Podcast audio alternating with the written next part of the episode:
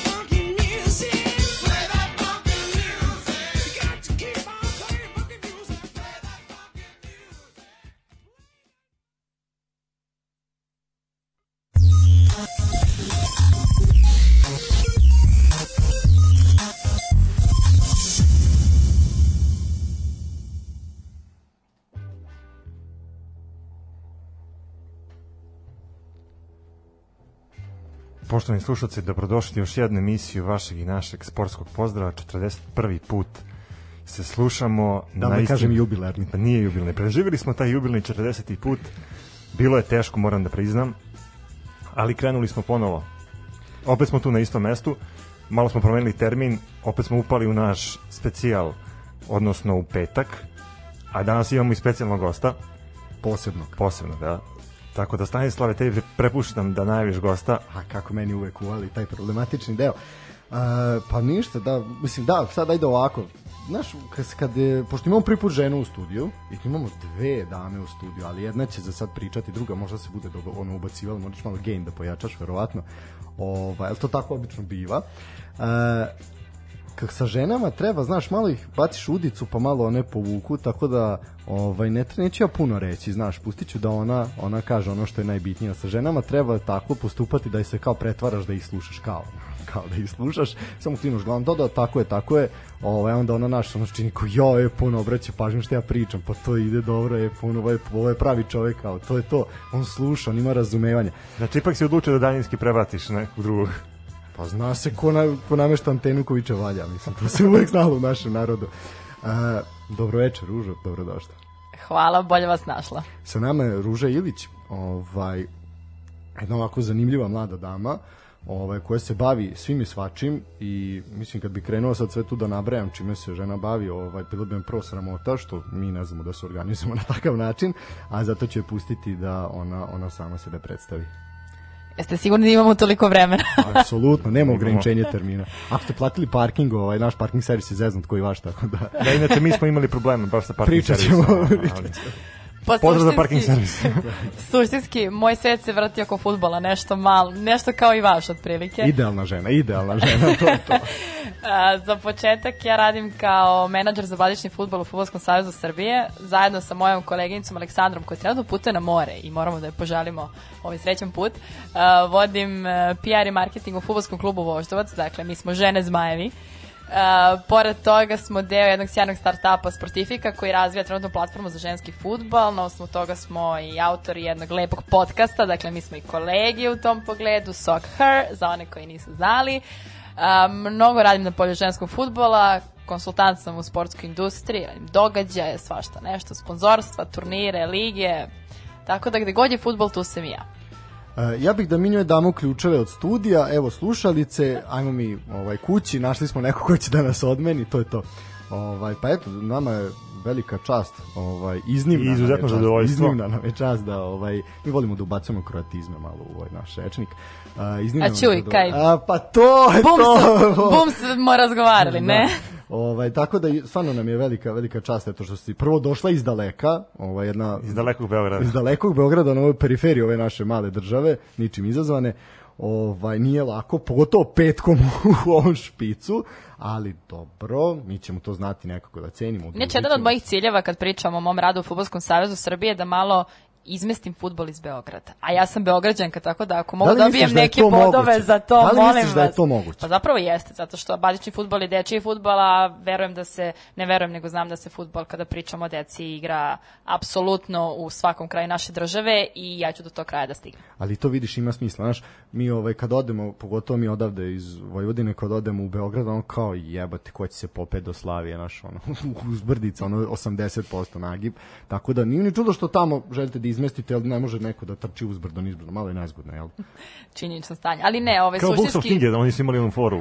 Sa, Au, sa do- futbolom u znaš kako ćemo se dotaknuti Crne Gore? Znači, braćo naša, šta ste vi sebi uradili? Pričat ćemo, ima vremena, duga je noć. Ovaj, da. Nemoj E, sad kad treba da ustoliče patrijarha. A nemoj tu sad, ti imaju oni št- problema većih od patrijarha, mada je to popriličan problem. Ovaj, Tona dobro, problema, a? Tona problema. Ne, vidi, ni Batman im neće pomoći, ko- koga god da postave na stolicu. Ovaj, bilo ona meka ili tvrda. A tako, hoće li Mio Radulović nešto pomoći? Ne znam šta bi ti rekao na to. Ovaj, Vidi, ja mogu samo da mu poručim da se pokajao što da će se pokajati što nije pozvao Nikolu Vojinovića za ovaj ciklus ovaj e, reprezentacije, a još više Miloša Milovića, ali dobro.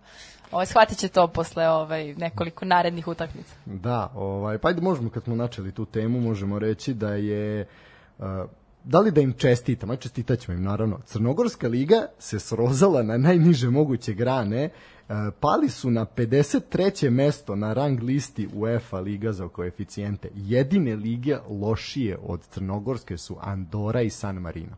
Tako da, Znači, i premoćni Vatikan je uspod ih. da, Isprešao, ovaj, da.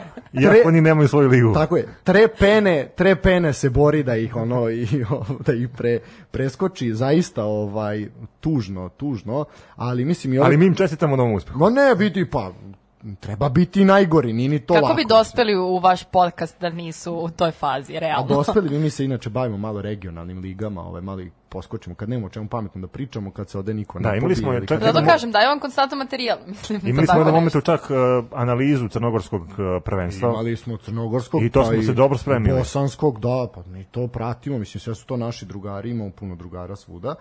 Ovaj tako da da, ovo je zaista jedan uspeh, može se reći po znacima navoda. E, ali i ove kvalifikacije, ovaj pretpostavljam da si pratila, ovaj uopšte ceo ciklus kvalifikacija za ova sva tri UEFA-ina takmičenja su pokazala gdje smo mi u odnosu na ostale i mi mislim mi kao ceo Balkan. Ovaj pa imamo prvaka Moldavije koji je izbacio aj što izbacio ovog našeg šampiona, koji je opet skup tim, ozbiljan tim, ali je izbacio i, hrvatskog šampiona. hrvatskog šampiona koji je još ozbiljniji tim od ovog našeg. Tako da pritom još ubedljivije po igri su izbacili Dinamo nego Crvenu zvezdu. Ne znam da li si gledala obe, oba dvomeča, ali to je zaista bilo onako poprilično, poprilično pa tako je, tako je, da, poprilično dominantno. Vidi, ni jedna od Dinamovih zvezda se nije videla u dvomeču. Nije videla. Pritom je u Moldavi moglo biti 5-0 za ove. Apsolutno, ne bih se vratila korak unazad, sad kad pričamo, pričali smo o Crnoj Gori, regionu, vamo tamo, ne znam da li znate, ali mi smo uh, bili jedan, jedna od ekipa koja je u pripremnom periodu odigrala utakmice sa budućnosti iz Podgorici. Tako. Mi smo ih tu pobedili.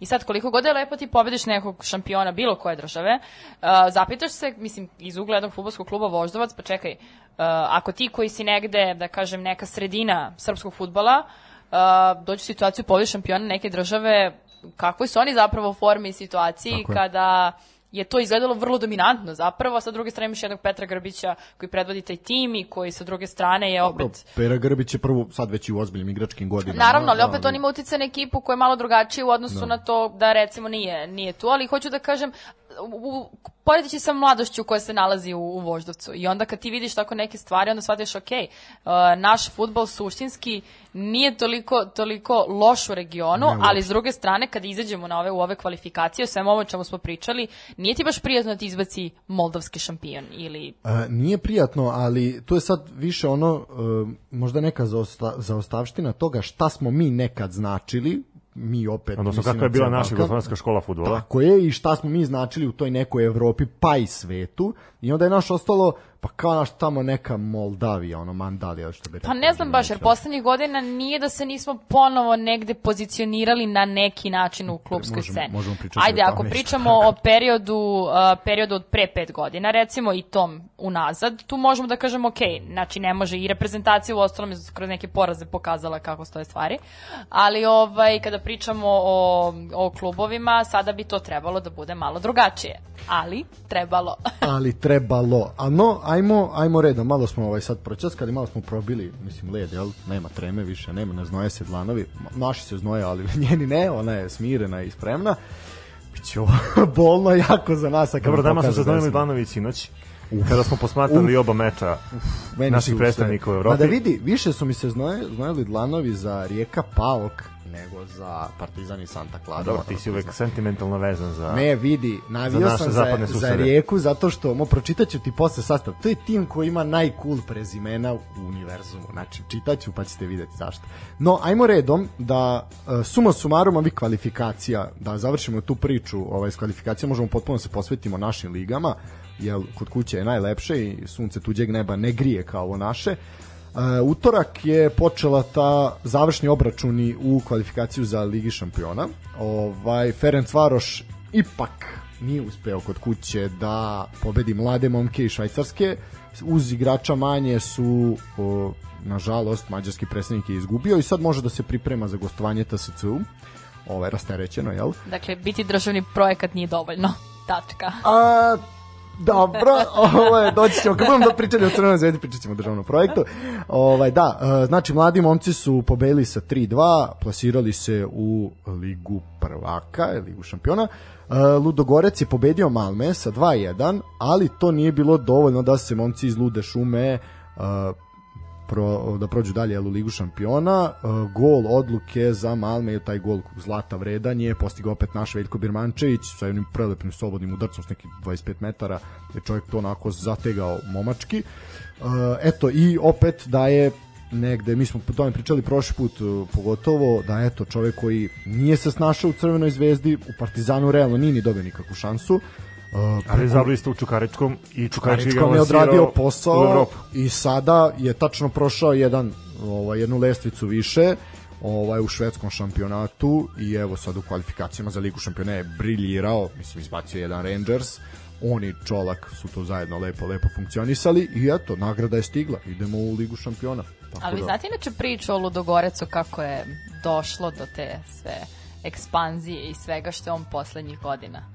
Pa, kan, šleper para, mislim. Pa da, ali zašto je šleper para otišao u Ludogorec? A to ne znamo, da. Pa zato što je gazda Ludogorec zapravo bio zaljubljenik u jedan drugi klub, mnogo važniji i veći u u pomenutoj ligi nego što je Ludogorec i on je bio uh, takav navijač da je bio spreman sve da da tom klubu, međutim tu nije mogao da radi, da ne, nije mogao da se pita, odnosno hteli su samo da uzimaju njegov novac, a ne da mu daju... Nije mogao da iskaže svoj pun potencijal. Ovaj, da, a ne da mu daju priliku i onda on rekao, ok, sad ćete vidjeti šta ja mogu da uradim sa jednim tako, na tako manjim seoskim klubom bez da sad bilo koga vređamo, ali na kraju kad pogledate i priču Spartak Trnave i ostalih, vidite da to i tekako ima svi su ostali posle doživeli kolaps ovaj, bar u Bugarskoj osim Levskog možda. Ovaj, imam internu foru za Levski, to ćemo te objasniti pauzi. Uh, I treći meč je bio PSV i Benfica, uh, ništa, ništa, apsolutno ništa nije viđeno zanimljivo na ovom meču, osim crvenog Ne, taj meč malo začarao, ipak očekivali smo podbacili jedni drugi. Rapsodiju golova, dobili smo ništa, odnosno dobili Obično smo to tako ide u životu, kad se puno drugo. nadaš, dobiješ dva krompira, Benfica, Benfica ide dalje, toliko o tome, više nisu zaslužili da kažemo ništa. Što se tiče srede, e, tu smo imali ovaj taj okršaj čuveni u Zagrebu gde su svi u taboru Dinama bili poprilično optimistični nakon povratka iz Tiraspolja gde je bilo mo kako Dobro, se ne lažemo, mi smo bili poprilično optimistični. Pa ja iskreno ja, ja nisam. Barem ja. Pa dobro, ja nisam bio, ne, ne znam na čemu su oni gajali svoj optimizam, ljudi su ih satrali, što bi rekao Svetozar, znači vidi, nisu... nisu uh... A ljudi, Dinamo nije iš, išao u Ligu šampiona da bi imao priliku ipak da upadne u grupu sa Zvezdom, to što mu se nije posrećilo, da, da, to je faktor drugo. mira i stabilnosti, da, da, to je. Nema tu. da, ne, ja, ja sam tražio da se našem predsedniku uputi pitanje jedno ozbiljno, ko je kriv za izdavanje nacionalnih interesa, pošto je nacionalni interes bio da Zvezda igra protiv Dinamo Zagreba. Mm, da li je? Da li je, da li je? A, dobro, a vidjet ćemo. To, mislim, sad to je ozbiljno, ozbiljno ovaj, političko, diplomatsko pitanje na koje mi ne smemo puno da zadiremo. Sve u svemu Dinamo ni, ništa posebno pokazao, opet su momci iz Tiraspora bili apsolutno dominantni na terenu, agresivni, znači pressing konstantno, kada jedan igrač Dinama primi loptu, dvojica ga sase, znači sa seku gotovo kraj.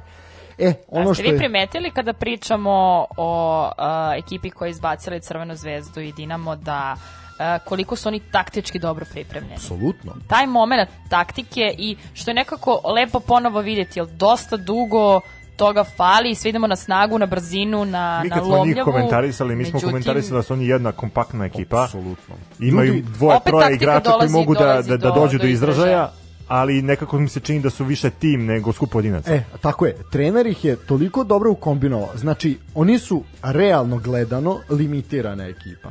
Ali znaju šta mogu i ne prave gluposti, ne izmišljaju toplu vodu, nego ja znam da sam ja dobar u tome i tome, e onda ću to da radim, znači forsirat ću ono u čemu sam dobar. Ja sam i rekao da oni jako, jako podsjećaju mene na uh, reprezentaciju Islanda, znači gde svako radi ono što zna, znači radiš ono što čemu si najbolji i mora biti Ili nekog to vam isto kao kada ono vidi neko, neku ekipu koja igra ovaj, s formacijom 4-4-2 i kao čupa kostu, kao to je zastaralo, ne funkcioniše.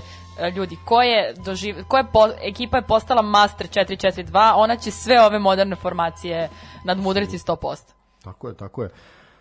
Tako je, potpuno se, potpuno se slažemo. Znači, eto, Dinamo ide u Ligu Evrope.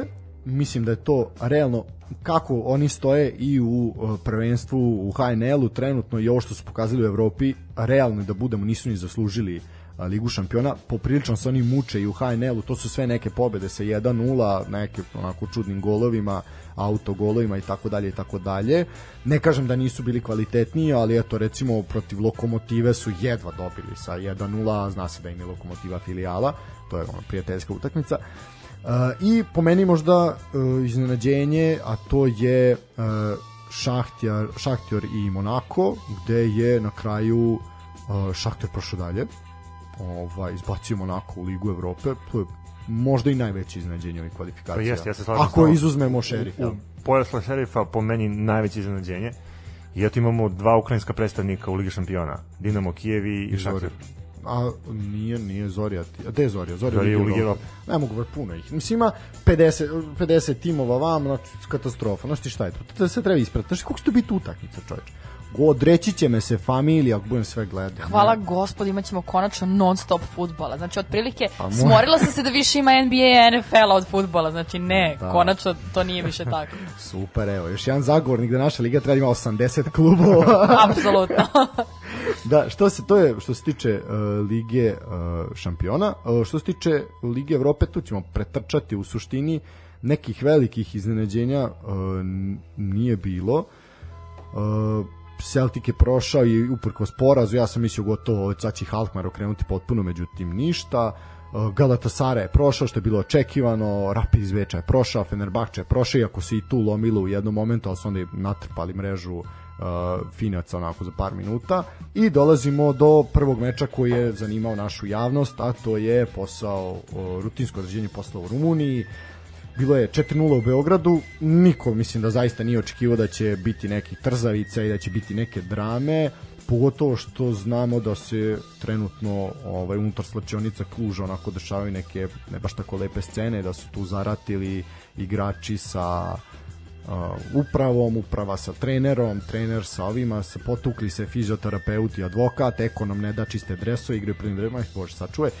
Ali dobro, to su Rumuni. Rumunska posla. Rumunska posla. Da ne kažem bugarska, ali Mi smo eto, inače pre ovog dvomeča pomislili da e, kao voždovac smo trebali da pomognemo Crvenoj zvezdi kao prošle sezone, pošto nakon što smo ih pecnuli ovaj, na Twitteru i nakon što su nas oni pobedili ovaj, sa, sa onom razlikom s kojom su nas pobedili, ušli su u Ligu Evrope i pomislili smo čekaj, pa trebali smo i ove godine da ih isprovociramo ako već to, to toliko radi na njih, međutim dovoljno je bilo što ih je javnost pre ove dve utakmice se onako solidno razočarala u Crvenu zvezdu, pa je opet proradio taj Ali neki pravom. Apsolutno, naravno. Ali hoću da kažem, na trenutak smo pomislili da ćemo morati da se izvinjamo Crvenoj zvezdi što ih nismo ovoga puta ovaj, pecnuli da to probudimo njima. Što se tiče kratke ovaj retrospektive ovog meča, znači uh, penal već u petom minutu posle faula na Degenekom, Kataj je bio siguran. Uh, Već sad je meni bilo dovoljno Ba, jasno. Apsolutno je bilo sve jasno. Uh, u 34. minutu su Rumuni uh, izjednačili na 1-1.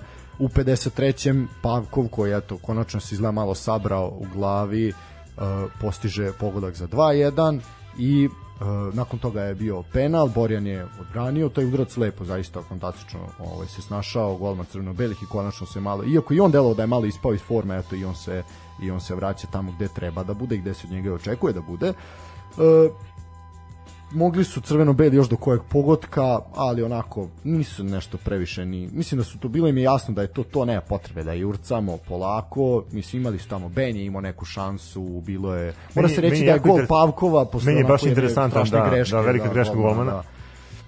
Loše ispucavanje, Pa, pa, da, je mislim, samo čovjek se i okliznuo, da, mrežu, ali u suštini u suštini nema šta, bili su bolji, mislim da je i ovim Rumunima bilo jasno da ne mogu više, posle na kraju su ostali se igrače manje. Šta da kažem? A kako stvari stoje, možda osnovi se i sa trenerom manje.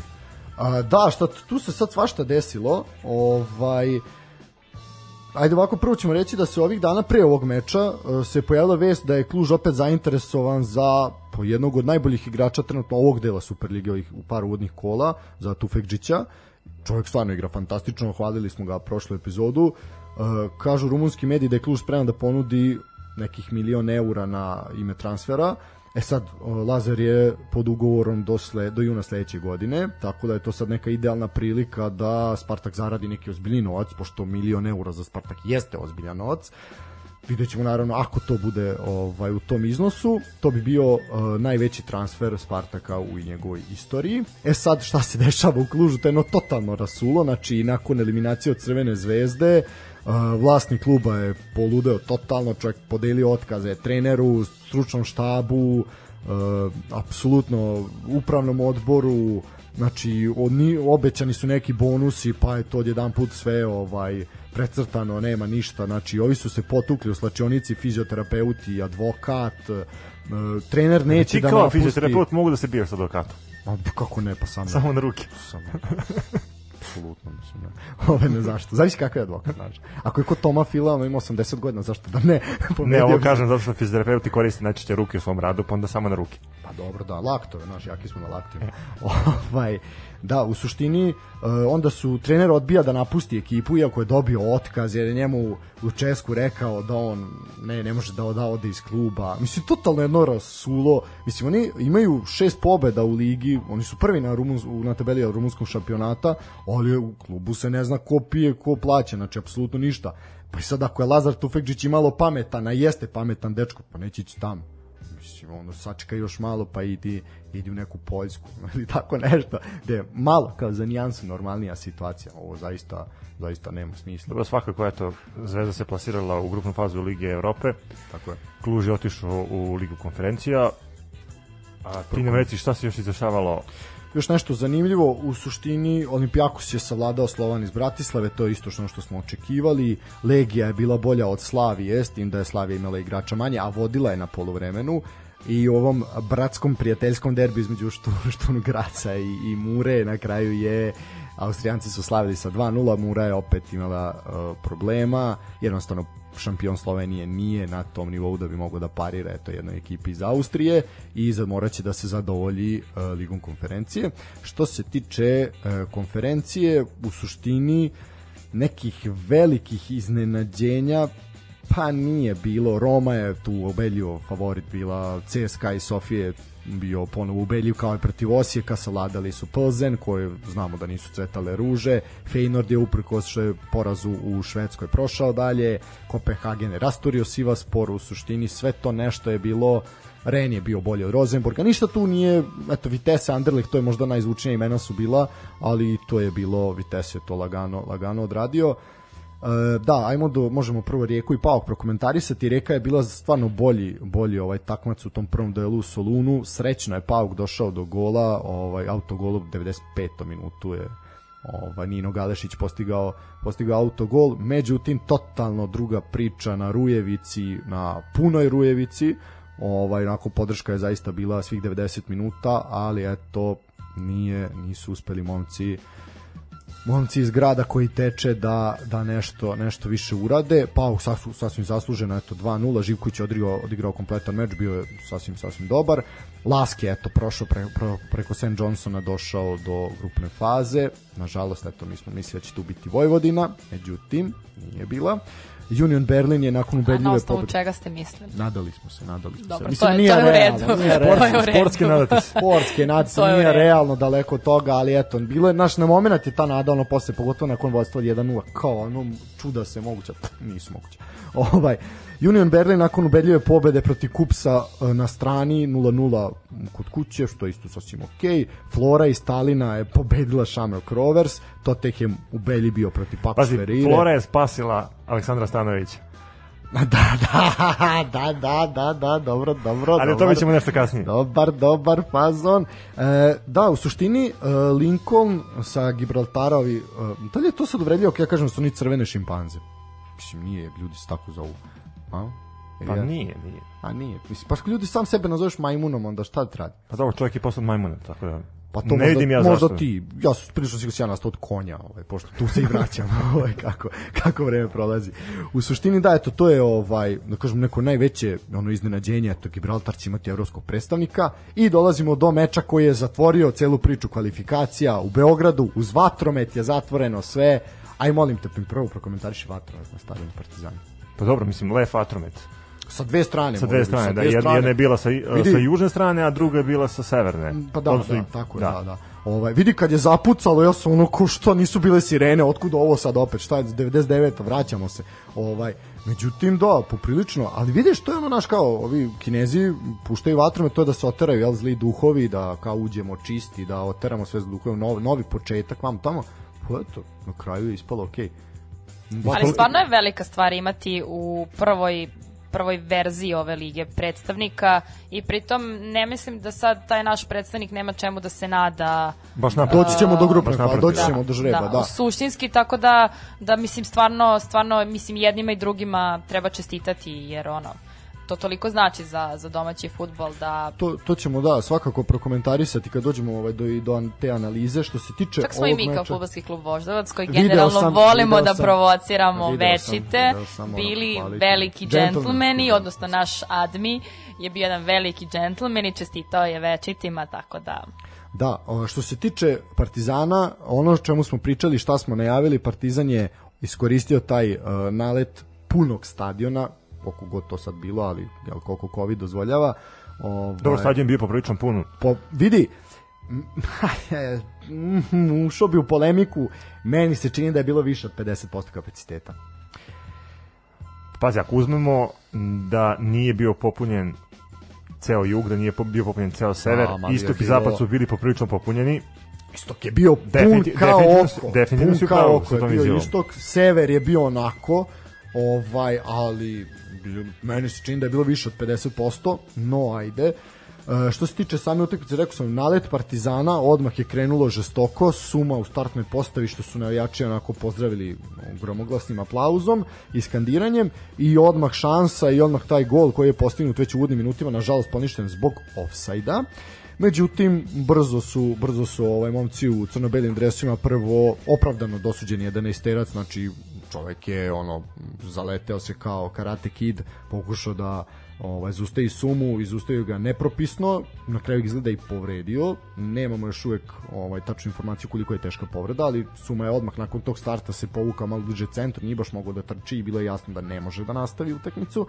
Ricardo precizno izveo 11 terac i onda Siniša Saničanin je iskoristio poklon života, znači golman Santa Clare će na A4 formatu papira u 10.000 karaktera morati da objasni šta je pokušao da uradi i šta je hteo da uradi, pošto i šta je uradio, pošto nije uradio ništa kako treba.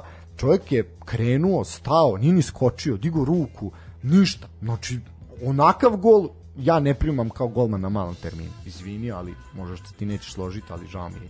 Ja bih makar Ja, udario. ja nisam Saničanina. golman, tako da mogu da pričam. Pa doma si igrao sa mnom, ja sam bio golman, pa da to znaš kao. Hvali me, jebi ga, šec da nije tako. Pa ne znam kako te pohvali, pošto uglavnom oni koji nešto nisu pretarano dobri na terminu idu, no, idu na gol, ali ajde. Ne, no, ja volim. Ima da- istine u tome. Da, ne, ja volim da branim, ja kao jedno ono inat, kao sad ja Da, da, nameram. da. On je bio, 100%, to svi kažu. on je bio toliko dobar da je uspeo prst da povredi na... A ni povredili su mi, da, slomio sam prste na malu terminu, da, dobro, šta sad, dešava se, i pametnijima. Ne, u suštini zaista, zaista po, uh, poklon i na prvi moment je delovalo da je gol postignut direktno iz kornera i svi su sku, što je ovo, je moguće, kao duh Ramba Petković je ušao u Zeku Jojića, ali ipak nije, Saničan je zahvatio, ovaj, zaista je lepo, lepo Saničan je skočio, pobegao svojim čuvarima, nema šta, školski sve, sve je odrađeno, I sa tom prednošću se otišlo na poluvreme. Tako je, u suštini u drugom poluvremenu se tu dosta ig- igralo između dva, uh, dva kaznena prostora. Moramo istaknuti šansu Santa Clara i slobodnog udarca gde mladi Popović. Lepo je skinuo loptu, Što bi rekao Kovinjalo kao ma, ma, mačka afrička pantera, ovaj zaista čovek nema šta koliko je dugačak je se izvio i odbranio ono što je išlo pod prečku. Znači nema šta. Pravilno znači boksao sve uradio školski, ko bi rekao da Stojković da ga je nešto učio. Ovaj pošto znamo da Stojković prima obično takve golove. E, u suštini Santa Clara sem toga nije imala nekih posebnih napada, jesu bili opasni, znaš, oni kad uzmu loptu, kad krenu da kombinuju, nije ti sve jedno, ali Vujočić i Saničanin su, ili što bi Strajnić rekao, Seničanin, na neverovatno čovjek u 180 minuta nije uspio da mu bode prezime, uh, Ili barem da pročita protokol. možda mu treba dioptrija za blizinu, znaš. Možda je, znaš, od prelikog unosa tečnosti, onda ti se zamuti vid. E, Suštinski, njemu ne, ne zameram toliko, toliko futbol koliko me boli kada ga čujem da prenosi rukomet. To je onda Da, da, da. nivo, nivo bola, tuge u meni kao poznavaocu Ne, rukometa, znaš, kad- neverovatno. Kao neko ko, ko je se bavio tim rukometom amaterski, ovaj... I kad- ste bio golman. nisam, nisam, nisam, se. nisam, tu nisam, tu da nema hrabrosti, stane mnogo, ovaj, kad on prenosi rukomet, onda gledam na mute Santa Maria de la Salute, znači ne mogu te slušam, ovaj, žao mi je, ali dobro, u suštini to je manje više to, Santa Clara kažem zaista, ovaj, to sad ono i ono što smo pričali i ka, kad je bila prva utakmica, nije Santa Clara pokazala ništa nešto specijalno, posebno sad neki ekstra kvalitet, zapravo je Partizan bio očajan tamo, a sad je Partizan igrao onako kako Partizan treba da igra, znači borbeno, do kraja, Miljković koji je uletao u, u noge svima, Jojić, znači svi su, Vujočić, Saničanin, svaka čast, Uro, ovaj, Obradović je bio dobar, Uh, Saša Zdjelar je pohapsio sve, Saša Zdjelar kao Igor Dulje u najboljim danima, znači apsolutno je zaslužio kapitensku traku i nakon toga ovacije, ovacije celog stadiona da se čovjek dečko se rasplakao, mislim Što znači da utjece Igora Duljaja kroz stručni štab i tekako se može videti kroz... Apsolutno, modern Partizano Motorino je Zdjelar i tu zaista nema nema priče i video se koliko je to značilo momcima, video si to slavlje zajedničko, onako svi su se grlili, ljubili, to je to je to, znači vidi se da je da im znači Stanojević pored pored out linije, čovek samo što nije ušao na teren i dobio žuti karton na kraju opomenut. E sad što se tiče tog incidenta, Ajde prvi, ja bih samo da, da, da iskomentarišem ulazak Danila Pantića. može. A, javnost je napominjala da on neće biti spreman čak ni za derbi koji se igra 18. septembra. Međutim, ja ne znam kojom rapidnom medicinom je to uspeo, uspeo da, da sanira svoju povredu i videli smo ga sinoć na terenu. No, Tako bio da okej, bio bio je sasvim korektan, korektan. da. Ovaj, I moram priznati zanimljiva izmena. Ja sam bio spreman da se opkladim da neće ući ovaj, ni blizu neko tako ofanzivan. Za Holendera sam pretpostavio da će ući u nekom momentu, ali nisam očekio sam Šćekića, to svakako i očekio sam još jedan ono hrabri potez u stilu Vladana Milojevića, daj mi dva leva beka da se branim ili dva desna beka, ne bi, pošto Partizan nema dva desna beka, onda ne mogu dva, ali daj mi dva leva beka da se branim ili još jednog štopera mislim isto što je Savo uradio gore u Holandiji, u Hagu, pa svi znamo ovaj, da smo pili bromazepane posle toga danima. E, ali moramo da priznamo da utjecaj voždovca na Marka Živkovića je se tek sada i tekako vidi Apsolutno. i mislim da Partizan može da nam zahvali što smo ga vratili u tu neku formu koja je njima sada potrebna.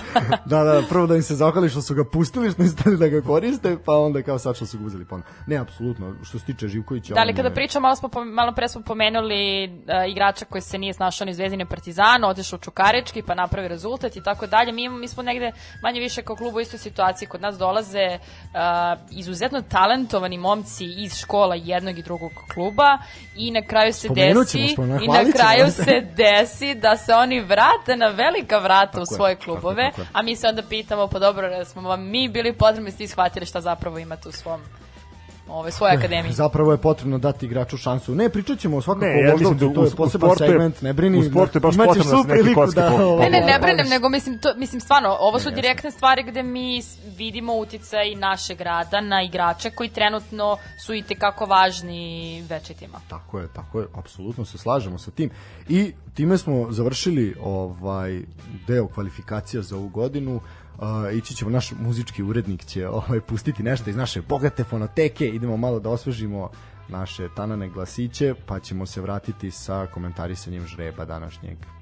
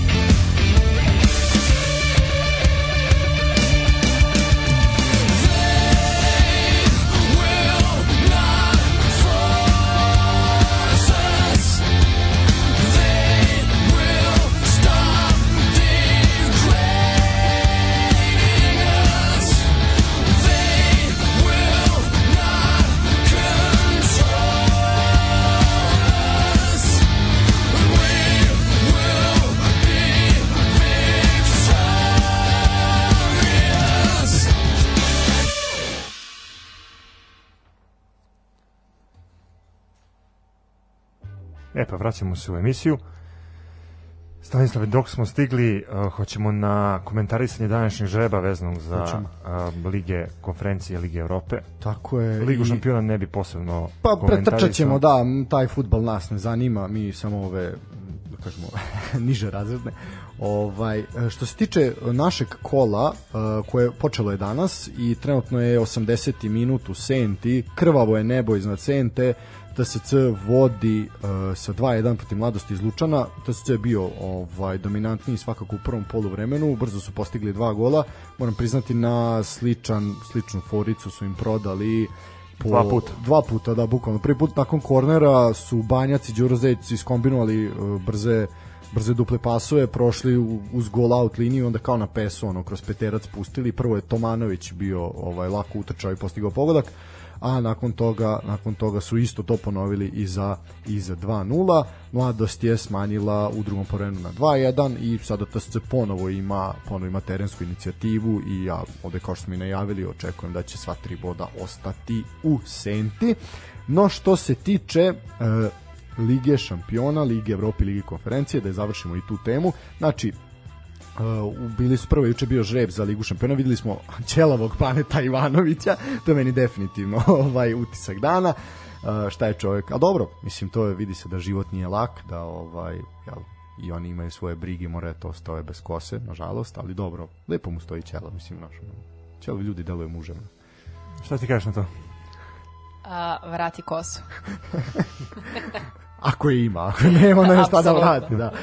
ovaj. Ali nije, nije loše za, s obzirom na poziciju koju igra, ovaj, mislim da će efekat ovoga biti dosta dobar.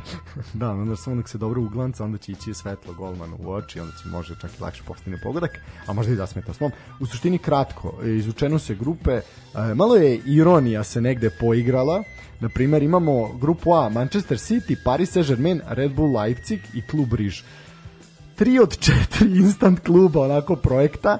Ovaj dobro, malo je tu malo kažem ironija se tu poigrala. Uh, u suštini ono Manchester City PSG će tu lagano proći dalje, Leipzig verovatno će ići u Ligu Evrope, grupa B Atletico Madrid, Liverpool, Porto i Milan.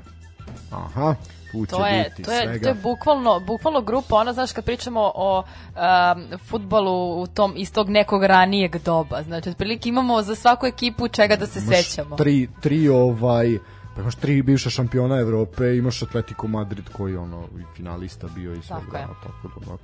Zanimljivo, zanimljivo. Uh, grupa C, uh, prvak Portugal, El Sporting iz Lisabona, Borussia Dortmund, Ajax i Besiktas. Poprilično ravnotežena grupa, Da, ovde, ovde pa mogu svi sem Bešiktaša da prođu dalje. Ovaj mislim da e, Bešiktaš će biti. Ja baš svim srcem želim Bešiktašu da iznenadi, ako može neka iznenadi Dortmund, to bi definitivno zašto, bila moja želja. Zašto, zašto, zašto? Neki lični razlozi. Da li znaš zašto Bešiktaš nosi crne boje, crno-bele boje? Ne. Oni zapravo originalno nisu bili e, crni, ali su nakon što im je ovaj poginulo dosta dosta ovaj igrača i uopšte ljudi bliski klubu u okršajima upravo sa našom državom, ovaj onda su iz eto neke žalosti prema svima tim ljudima koji su poginuli, ovaj promenili boje kluba u crne. Zanimljiva priča. Hvala na informacije. Uh, dobro, to je uh, grupa C, bila je grupa D, Inter, Real, Šahter i Šerif. Al će se putovati u Tiraspolj, nisu ni svesni. Da, pa hm, biće, biće tu gusto, imamo taj jedan ovaj klasik svakako Inter i Real, a eto Šerif će pa imati makar priliku eto da se odmeri sa najjačima. Mislim da će tu Šahter verovatno zauzeti treću poziciju ići u Ligu Evrope, upravo tako kako je izvučeno. Ali nećemo, nećemo otpisati bogove taktike da, ovih kvalifikacija. Ne, svakako, ali mislim da ne, ne, tu šta da se traži. Grupa E, Bayern, Minhen, Barcelona, Benfica i Dinamo Kijev. Upravo si bio Dinamo i vama, ja sam Zoriju pomešao sa Ligom Evrope. Uh, A Zori ispali iz Lige Evrope? Da, uh, ovde očekujem osam komada u mreži Barcelone protiv Bayerna u oba navrata i tu sad nije isključeno, ovde čak, pa zašto Barcelona može biti treća čak? Ako ako nastaje loše da se kotiraju. Pa vidjet ćemo, zato što mislim imaju ti neki klubovi poput Barse koji bukvalno mogu da iznenade kada, kada otprilike se najmanje nadaš i ono pit, i onda si stava da, ipak su to oni, kao ipak oni to mogu. Da, misliš misliš, Barca sad ono, kreće u fazonu jedan kad bude manja restart kad je u presija, pitanju ne? Liga Pa šampiona. da, niko nema nikakve očekivanja, kad, a do sada kad god su očekivanja bila na toj strani, mislim, ja i dalje mislim da Paris Saint-Germain neće uzeti uh, Ligu da. šampiona i ne znam šta uradili, Manchester koga City, neće doveli, City. znači neće se to desiti, tako da prosto ne treba otpisivati Barsu baš iz tih razloga.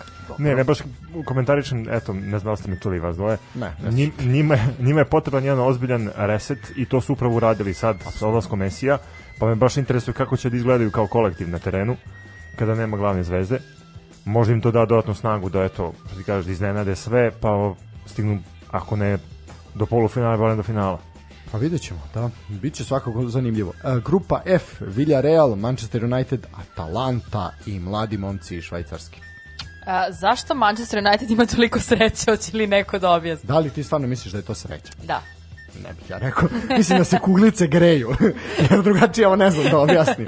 Ne, pa vidi, ovo je zaista. Gde, gde pravda u današnjem žrebu, odnosno u žrebu Lige A šampiona? ne možeš tražiti pravdu u Ligi šampiona. To Istina. ne, mislim, to nije takmičenje gde se traži pravda. Znači, ipak nam je trebala Superliga, pošto bismo tu verovatno dobili pravdu. Sigurno. Apsolutno bi bila pravda. Ovaj, grupa G, uh, ovo je možda najslabija grupa uopšte Lige šampiona. Uh, Lille, Sevilla, Salzburg i Wolfsburg. Gde svi mogu Hoćeš sve. da kažeš grupa koju Niko- malo ko će gledati Apsolutno. u tim Mislim terminima. Da, roditelji igrača Lila neće gledati ovu grupu, na, nema šanse. Inače, pa sam imala priliku da posmatram Wolfsburg uživo i, i to su igrali protiv Dortmunda i samim tim očekuješ, znaš, kao ipak igraš protiv jednog najjačih timova Bundeslige, napunit će se stadion, međutim ne, ta fabrička priča, koncepcija, mislim da, a posebno sa ovakvom grupom, da mi je bar došao Messi pa kao napune stadion, nešto da se desi, ali ne. Pa dobro, mislim realno ime, svi tu mogu da zauzmu svaku apsolutnu poziciju. To što je Lille blje, a, pardon, bljesnuo ovaj, prošle sezone u francuskoj ligi, ne znači apsolutno ništa. Znači, to ove godine ne mogu biti ono poslednji. Tako da, to je svak, mislim da je zapravo bio i neki momentum ovaj, koji su oni uhvatili. I grupa H, poslednja, Chelsea, Juventus, Zenit i Malme Veljka Birmančića. Interesantna grupa, moram da priznam. Da. Hm. Pa dobro, Chelsea Juventus će proći dalje, verovatno, a sad tu će se Zenit i Malme klati za to treće mesto. Pa dobro, vidit ćemo, eto. Da, u svakom slučaju zanimljivo, bit će svakako zanimljivo. Ko voli, ko voli naravno ligu šampiona. E sad mi koji volimo ovo malo niže takmičenje, ligu Evrope, Malo jeftinija. malo jeftinije ulaznice, da, uh, moram priznati, nikad jača, nikad jača, ozbiljne, ozbiljne grupe, vidi, goreće tereni širom, širom Evrope, grupa A, uh, Lyon, Rangers, tvoja Sparta iz Praga i Brondby. Ja mogu da ti kažem da Kako ti kao navijač Sparte gledaš na to? Pa teška grupa, mislim da Sparta ne može da prođe dalje. Lako na žrebu kao ovi Poljaci kad su ih izvukli posle. Ni, nisam, ali mi je bilo poprilično krivo. Ovaj, Lyon ima dobru ekipu, uh, Rangers takođe ne vidim da, da Sparta može da napravi neko iznenađenje, ali se potrebno nadam. Da, lopta je okrugla. Danas svi igraju futbol. U UEFA je rigorozno. Da. ovaj, pa ne vidi, ali moramo uzeti u obzir da ove godine, znači, e, treće plasirani iz grupne faze Lige Evrope ide u Ligu konferencije, što je isto poprilično, poprilično dobra stvar. Znači, imate proleće u Evropi. Ovaj, e, mo, grupa B, Monaco, PSV, a Real Sociedad i Šturm iz Graca. pa da, mislim u suštini ovi Kao da kao, po- Šturm je večerao, Znaš, kao, da tako kažemo. posmatraš grupu i kao razmišljaš šta možeš da kažeš o, o Pa, ovoj jako interesantnoj suštini grupi. da će ovaj Šturm iz Graca onako poprilično ovaj dobiti po donjem delu leđa. Da. Ovaj dobro, grupa C. Napoli, Leicester, Spartak Moskva i Legija. Meni je to jedna jačih grupa Liga. Da li je to što se tiče navijačkog sveta najjača grupa?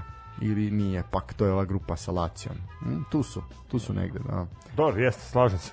Ova grupa sa Lacijom je mnogo zanimljivija, bar iz tog nekog navijačkog ugla, ugla, da. ali ne bi pocenio ni, ni grupu C u kojoj su, eto, Napoli, na, Napoli, Leicester, da. Dobro, grupa D, Olimpijakos, Frankfurt, Fenerbahče i Royal Antwerp. Možda najdosadnija grupa u u Ligi Evrope. pa dobro. Pa, ono. Mislim, ovo isto nikog neće zanimati. Uh, I idemo, grupa E, možda i najzanimljivija, Lazio, Lokomotiva Moskva, Olimpik Marsej, Galatasaray. Ne znam se koga više ne podnosi u navijačkom svetu. Ko se kladio na Lazio, pare bacio, tako da to je sve što mogu da kažem da za ovu grupu. Da je Lazio odigrao najviše utakmica od ovih timova ovde prisutnih u uh, kupu EFA i Ligi Evrope. To, to neko, neki podatak je izašao danas. U suštini, pa vidjet ćemo šta može Marko Nikolić da uradi. Pa vidjet ćemo, pazi, poprilično ujednačena Mhm. grupa, sad na ovu prvu loptu ne možemo da kažemo ko može da, da Boga mi otkoči, na drugu.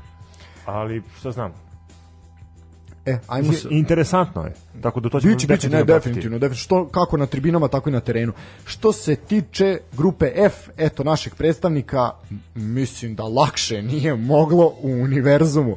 Braga iz prvog šešira, Crvena zvezda iz drugog, a Ludogorec iz trećeg i ovi danci nesretni ovaj Mitjant, koji će ovde proći najgore ubedljivo, ovaj su iz četvrtog šešira. U suštini, Crvena zvezda da je mogla da bira, mislim da lakše ne bi mogla da izabere. Ja se slažem. Svaki komentar mislim, na ovo Mislim da je suvišan. grupa koja je veoma obradovala zvezdine Apsolutno. navijače. Ukoliko ne prođu ovu grupu i ne budu li treći, da se izađu lepo na autoput prema Novom Sadu, lepo se poređaju pa šta pređe preko njih. Znači, zaista, ovo morate proći, kako znate umete. E, negde sam pročitao da nam je potrebno 9 bodova u grupnoj fazi da bi imali to famozno dva predstavnika u Ligi šampionama, da možemo i o tome raspravljati nešto kasnije koliko to zapravo dobro ili nije dobro. Ovaj, ovo je šansa, vidi, što bi rekli, penal za zvezdu. Znači, mora, nema kraja, tu nema priče uopšte. Bragu, re, vidi, mislim, aj sad, bez vezanja. E, I od svih ovih protivnika možeš da izgubiš, ako si crvena zvezda i sa otvaranja Ling Longa gde ne možeš da se povežeš, ali ako si crvena zvezda od uh, meča sa Klužom i sa Kairatom i I sve pa ono, ostalog i sa, i sa Milanom, skroz drugačije. apsolutno da ne pričamo o prošlogodišnjoj crvenoj zvezdi, možeš da ih naduvaš sve, znači bez, bez problema. Uh, A istorijski gledano, recimo kad pričamo o Bragi, ona i tekako dobro leži Crvenoj zvezdi, a i se nevezano za to, čak i naša... zato Ludogorec ne leži. nevezano za to i naša mlada reprezentacija kad je igrala u Bragi, posti, mislim kada je igrala ono čuveno a, 2006. u 21 prvenstvo je takođe imala baš dobar efekat i moram da kažem da je Bragin stadion jedan od najlepših na kom sam ikada bila u svojoj karijeri, a verujte bila sam na jako Meni baš taj, broju. taj kamenolom, taj pored ne privlači. Ali dok ne, ne odeš tamo i ne, ne osetiš, ne, ne shvatiš da si ti na čudu prirode faktički, nemaš taj doživljaj i izgleda ti baš ono kao sterilno sa strane, ali kad si tamo i kada shvatiš, pa čekaj sam malte ne u steni, Pa slično kao to je Kantrida. onako malo, A nije malo Kantrida je drugačije. stena plus je dole Da. more. Mislim da je ipak Kantrida lep, meni makar lično. Ništa, da. idi ti sa Zvezdom do Brage, ovaj, jednu emisiju snimi tamo, pa ćeš da vidiš i javit ćeš nam kako stoje stvari. Stvarno mogu, mogu bi to? Pa vidi, zašto ne? Zvezdan Terzić i ja. Jedan pored drugog. O, zašto da ne? Vola bih da slušam taj podcast, moram da da, da. Mislim da ovaj SPP POK ne bi teo to da sluša, niti ovaj, kako se zove ovi za VTK, visokotehnološki kriminal. Dobro. Grupa G, Bayer Leverkusen, znači farmaceuti, Celtic, Jedan od mojih omiljenih klubova, moram da kažem, Koji? je Bayer Leverkusen. Aha, dobro, E, već sad sam čekaj, sad će mene zanima zašto, Pa da sad zaratimo, da, da. A, pa sticam okolnosti imam kuma koji živi u Leverkusenu i od malih nogu mi je donosio stalno a, mi je donosio stvarčice iz, iz Leverkusena u vezi sa klubom, ali najvrednija stvar koju zapravo imam jeste a, dres Mihajla Balaka iz doba kada znao je igrao u Lever, Balaka, da. Leverkusenu, tako da faktički ja sam još od tog doba vezana za, za Leverkusen i izuzetno ih volim i cenim. Ja sam mislio da će reći da završila sa farmacijom ili tako nešto, ali dobro, okej. Ovo je re- validan je razlog, ne. validan je razlog, da.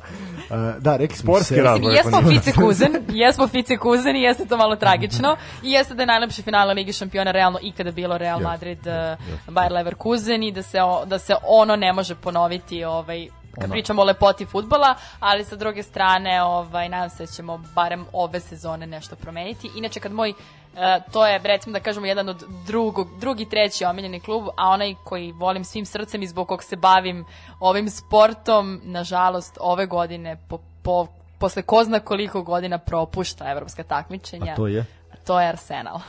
A ista nam je muka, šta ti kažem. Oni mene trpaju ko budalu E, zbog top tog G, top G. Arsenala, da. Vidi, sad te gotivim još više, ali opet sad nam je tuga još veća. Da, pa isplakat ćemo se, šta ti kažem. Mislim, to ćemo kad se ugad, nije za, nije za etar uopšte, šta bih rekao. Vratite nam Arsena, molim vas.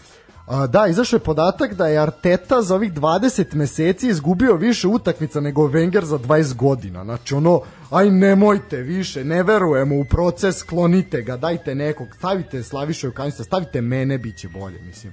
No dobro, vratimo se na grupnu fazu Lige Evrope. Celtic, Real Betis, tu će biti zeznuto kad budu igrali jedan protiv drugi, jedni su Da, mislim, zeleni i ono, beli, da. I Ferencvaroš koji je takođe zeleni i beo.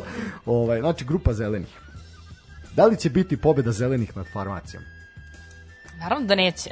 Mislim, što vam nije jasno. Ne, ovaj, no, ovo je zanimljiva, jako zanimljiva grupa. Uh, tu mislim, vidi, tu može svako svakog. Definitivno je Leverkusen prvi favorit, a ovi ostali će se mm, onako Ma da, ver, verujem da pratići futbol ste, znate da Leverkusen uh, pobeđuje najjače, gubi od najslabijih, tako da apsolutno će biti neizvesno do samog kraja. Tako je. I grupa... Ja ću pratiti Ha, Ferencvaroš, meni su oni jako interesantni. Pratit ćemo ih, nadam se, uživo. Ovaj, A to zbog vaše lokacije ovaj, trenutne ili...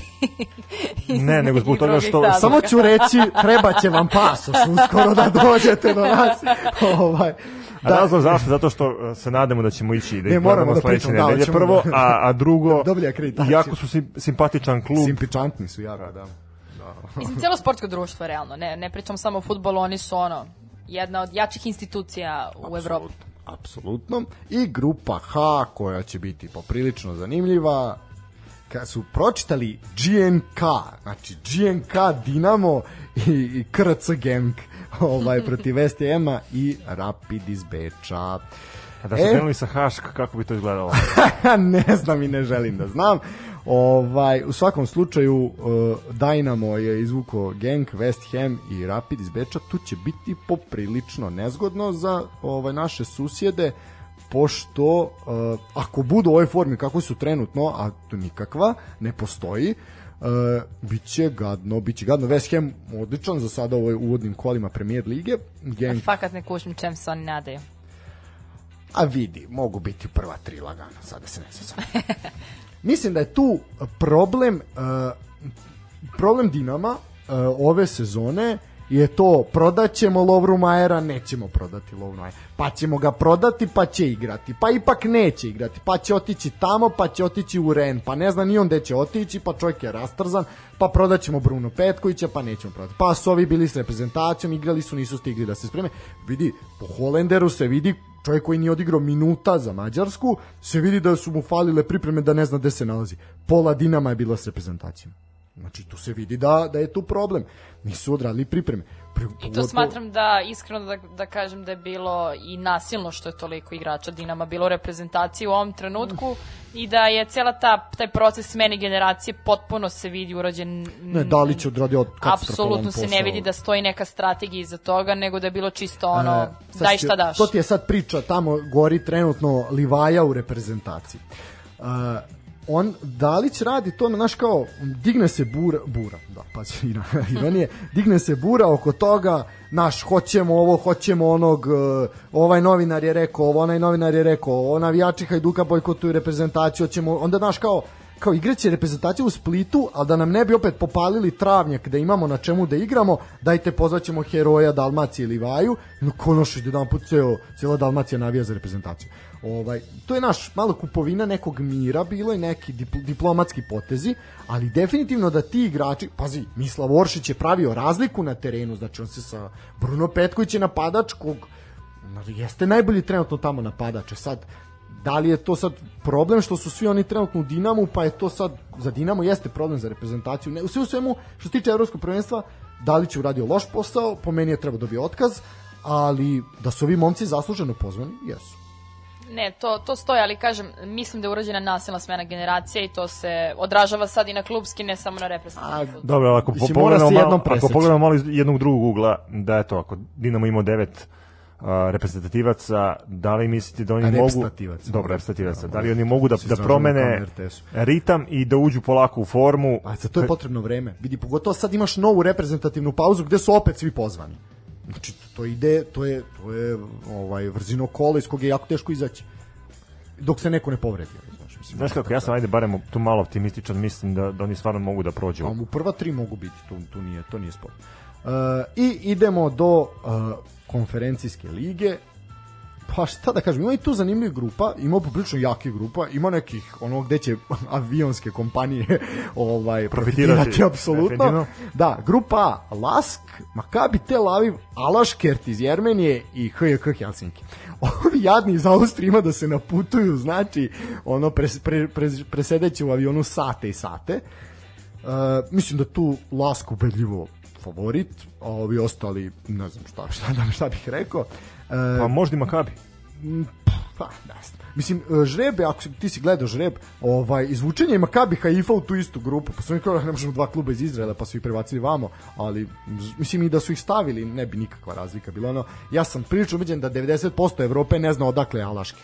Znači, apsolutno. Ovaj, tako da, idemo grupa B. E, dolazimo do Partizanove grupe, Gent, Flora Tallinn i Anortozis.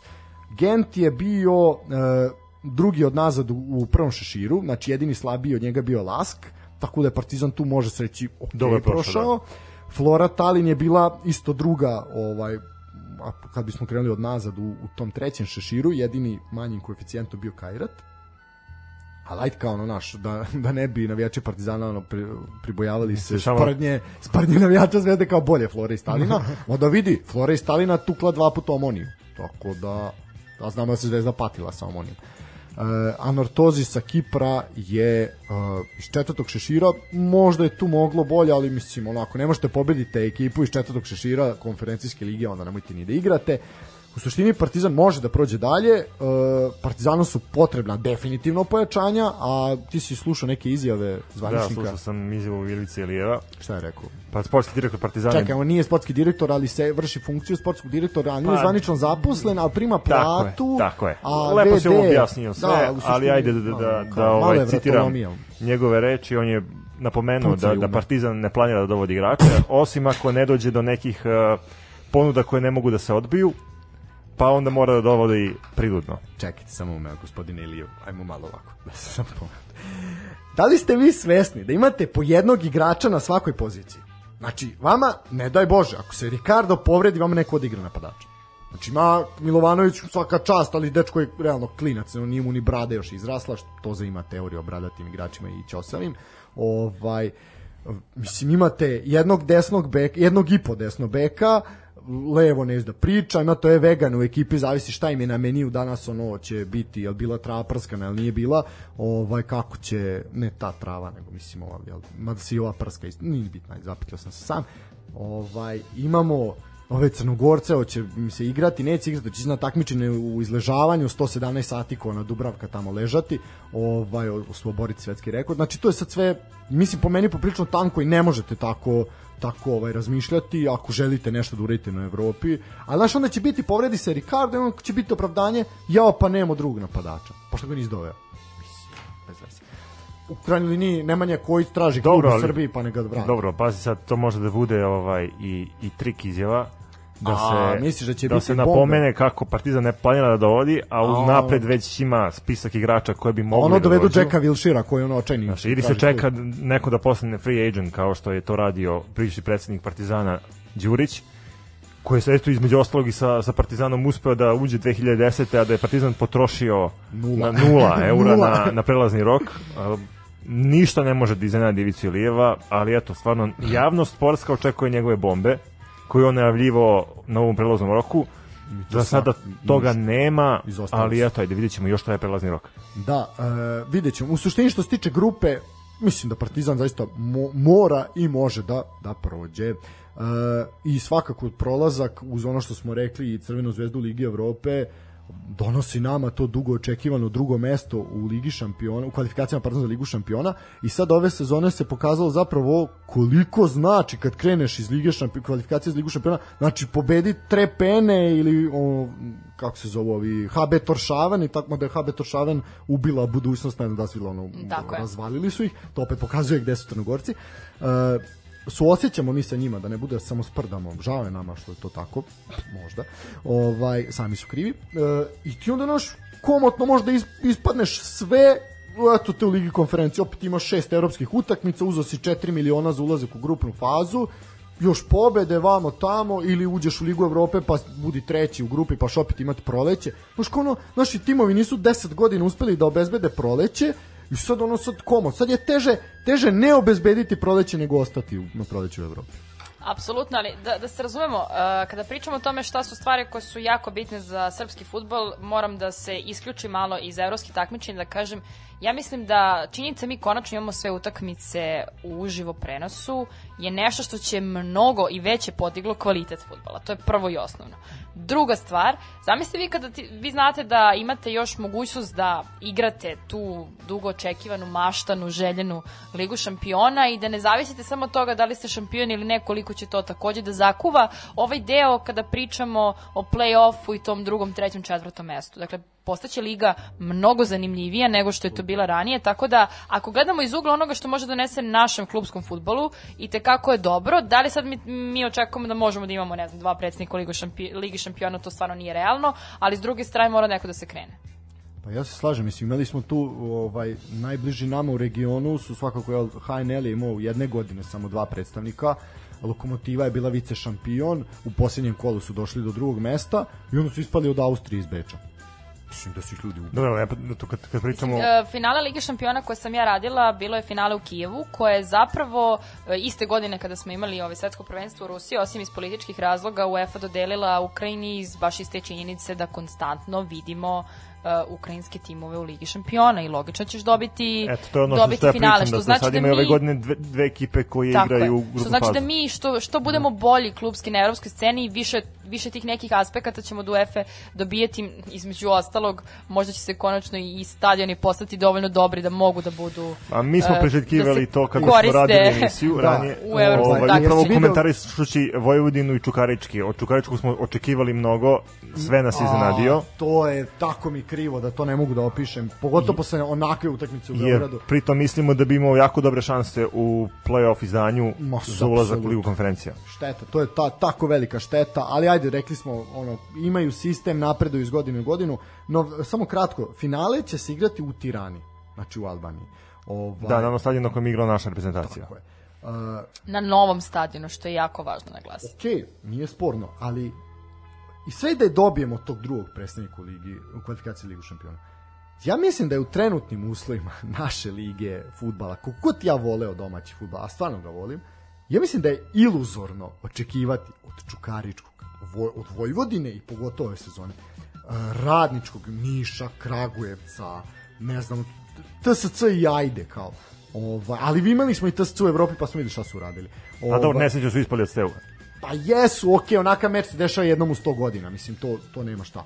Uh, mislim da realno, od, osim Zvezde i Partizana, trenutno, a čini mi se u narednih nekoliko godina, niko neće prići grupnoj fazi, pa čak ni konferencijske lige. Nažalost, ali to je tako, to je naša realnost. Ja ne kažem da je to dobro, niti treba da se forsiraju samo ta dva kluba, ne treba.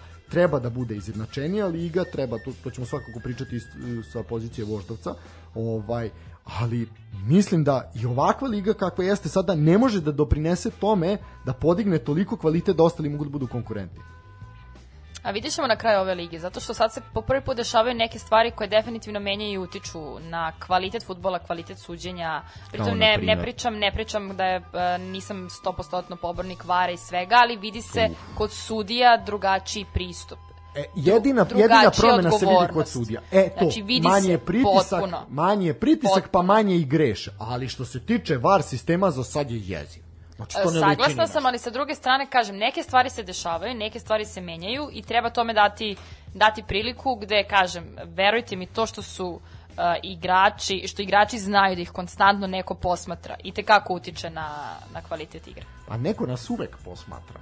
Veliki brat nas uvek posmatra. Ajmo da završimo grupe, pa idemo kratko na pauzu. Uh, sledeća grupa, grupa C, Roma, Zorja iz Luganska, CSKA Sofija koja je spektakularno ušla u grupne faze, prvo ubila Osijek, ovaj i Bodo Glimt iz Norveške Bodo Glimt koju svi kladioničari vole to je jedna prezanimljiva ekipa koja igra ovaj ludački napadački fudbal na golove. Uh, u suštini isto tu je Roma apsolutni favorit za osvajanje čak ovog, ovog takmičenja. Uh, sve zavisi naravno od serije A koliko će tamo biti blizu vrhu pa koliko će hteti da se kidaju ovde. Uh, grupa D AZ Alkmaar, Kluž, Jablonec i Randers ovo, osim Alze Alkmara, ovo tu šta će među ove tri ekipe biti, tu zaista ne znam. I grupa E, Slavija, Prag, Feyenoord, Union Berlin, Maccabi Haifa. Jedna od jačih grupa. Jedna od jačih grupa. Uh, eto, zanimljivo vidjeti Union Berlin u Evropi. Feyenoord, isto i Slavija iz Praga. Biće tu, tu ozbiljno, ozbiljno kidanje. Znaš što mi je interesantno, Union Berlin će igrati protiv Makabija, uh -huh. obzirom na neke političke da, da. konotacije koje stoje iza, I za jednog i drugog, drugog kluba. Da, da. Uh, imam, pa čekaj, sad je Berlin ovim ispada i prvi istočno-nemački klub u Evropi, je li tako? Da. Da, oni nakon pada Berlinskog zida. Uh, grupa F, Kopenhagen, PAOK, Slovan, Bratislava i ovi crveni majmuni iz Gibraltara, sa Gibraltara. Mislim da je tu sve rešeno. Lincoln, zvaćemo ih Lincoln, nećemo ovaj, crveni majmuni, ovaj, da ne bi posle nas neko napravio crvenim ispod oka, pa posle plavim. Uh, u suštini izjednačena grupa Kopenhagen svakako prvi favorit očekujem Paok ovde da ide dalje Slovan tu teško šta može da uradi Gibraltar neka uživa u ovim evropskim gostovanjima grupa G Tottenham, uh, Ren, Vitesse i Mura koja je večerala pored svih ovih. Uh, šta da kažem, eto, izašli su u Evropu, govorim iz perspektive Slovenaca, znači izašli, izašli su u Evropu, nažalost dobili su najgoru moguću grupu koju smo ja želim Staniši Mandiću sezonu života i pa, da se vrati na neki uživaju. nivo, neki nivo koji, za koji je realno bio pa da, mislim predviđen. Ne, da, ne znam za, kako je završio u toj muri, ali zbog povrede, oporavak negde, Zna. dobar klub za tako nešto. Dobro, ispostavilo se da stvarno Mura radi dobar posao. Pa radi, da, ali opet... Su u ligu konferencija. Ali vidi, znači, bili su šampioni ispred Maribora, Domžala, Olimpije, Olimpije, da, i onda su ih počistili ono svi redom. Znači, što ti opet pokazuje gde je i ta slovenačka liga kao i Crnogorska. Da, dobro, ne, ne iskustvo, između ostalog, prvi put pa izlazak pa, da, u Europu. ali ono, bez obzira. I evo, po meni, najčudnija grupa, Bazel, Karabah, Kairat i Omonija. Znači sad vi zamislite jednog prosečnog igrača Bazela koji eto pije kafu, gricka milku, ovaj ručka sir, negde tamo predelima Alpa i sprema pakuje torbu, pita ga žena, dragi moj, gde ideš? Idemo u Azerbejdžan ode iz Azerbejdžana, vrati se opet A u Azerbejdžanu bio raz da, da. Da, Ona vrati se opet pogricka, još jedan red milke, popio opet čaj, kafu, sira, malo pojede op, da ideš sad, idemo u Kazahstan, ono, još gore. Ovaj. Prilike, žena će misliti da je definitivno laži vara. da, i onda kao ono... Ne, kao, ide na snimanje Borata. da, da, da, i onda kao se vratim, i on kao, gde se iš? Ide na Kipar, ono, znači katastrofa.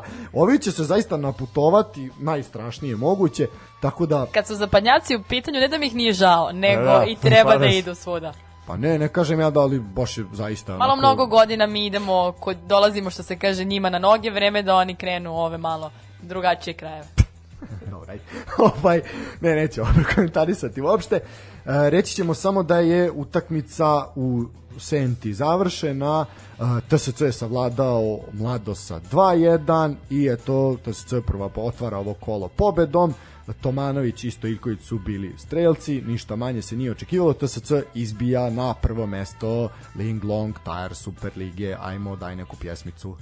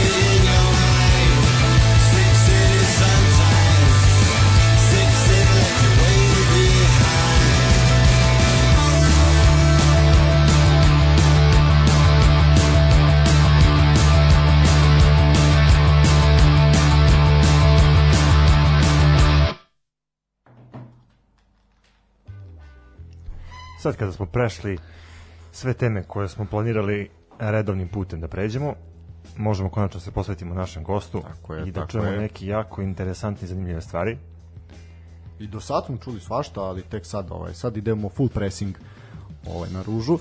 Da li znate činjenicu da sam ja bila futbolski sudija, inače, s punih sedam godina i da možemo da pričamo i na tu temu, kad govorimo e, o imamo, sudijama. imamo našeg ovaj, Dejana Nedića za sirotinju, ovaj, tako da, Mare, pozdrav za tebe, ne damo te.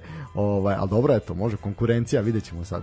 I da znate, nisam ponala kartone, tako da šta god da kažete i uradite, neće biti Vidi, mi smo, sankcionisano. mi smo davno za disciplinsku meru, tako da, ovaj, Full isključenje. Ma, apsolutno i suspenzija doživotna, ovaj, bavljenja sportom i komentarisanje istog. Ovaj, dobro, što se tiče, sad malo, ajde, priča o tebi, ovaj, što bi rekao, ono, šta sam sebi, ko sam tebi, ona, ona suluda emisija koja se pojavljuje na KM televiziji, video si to, pretpostavljam. Naravno da nisu. bolje, veruj mi da je bolje što nisi. Ja sam gledao zašto je sami Lošić bio gost, ono, katastrofa. Ovaj, tako da, ništa, ajde sad da Čekaj, pričamo- čekaj, ja moram da stanim malo, smanji ton.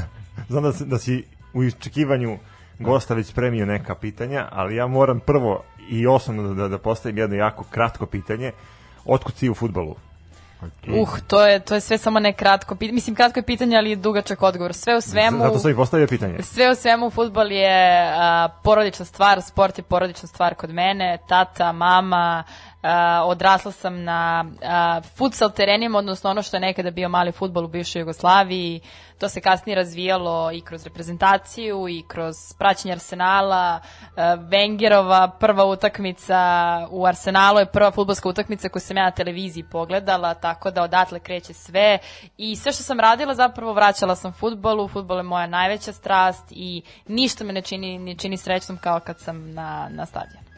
Baš lepo moram da priznam. Zaista, zaista. I čak e, moje, moje dakle, godine nisu kalendarske od januara do decembra, nego su od početka do kraja futbolske sezone i ovo između je isključivo posvećeno tome, znači ide se na turnire i um, da prvenstva koje se dešavaju, tako da u, u mom slučaju sve se vrti oko futbola i sve je samo nesporedna stvar na svetu. Znači primarna, primarnija ne može biti. Kako to podnosiš sa tvojim nekim privatnim obavezama koje imaš?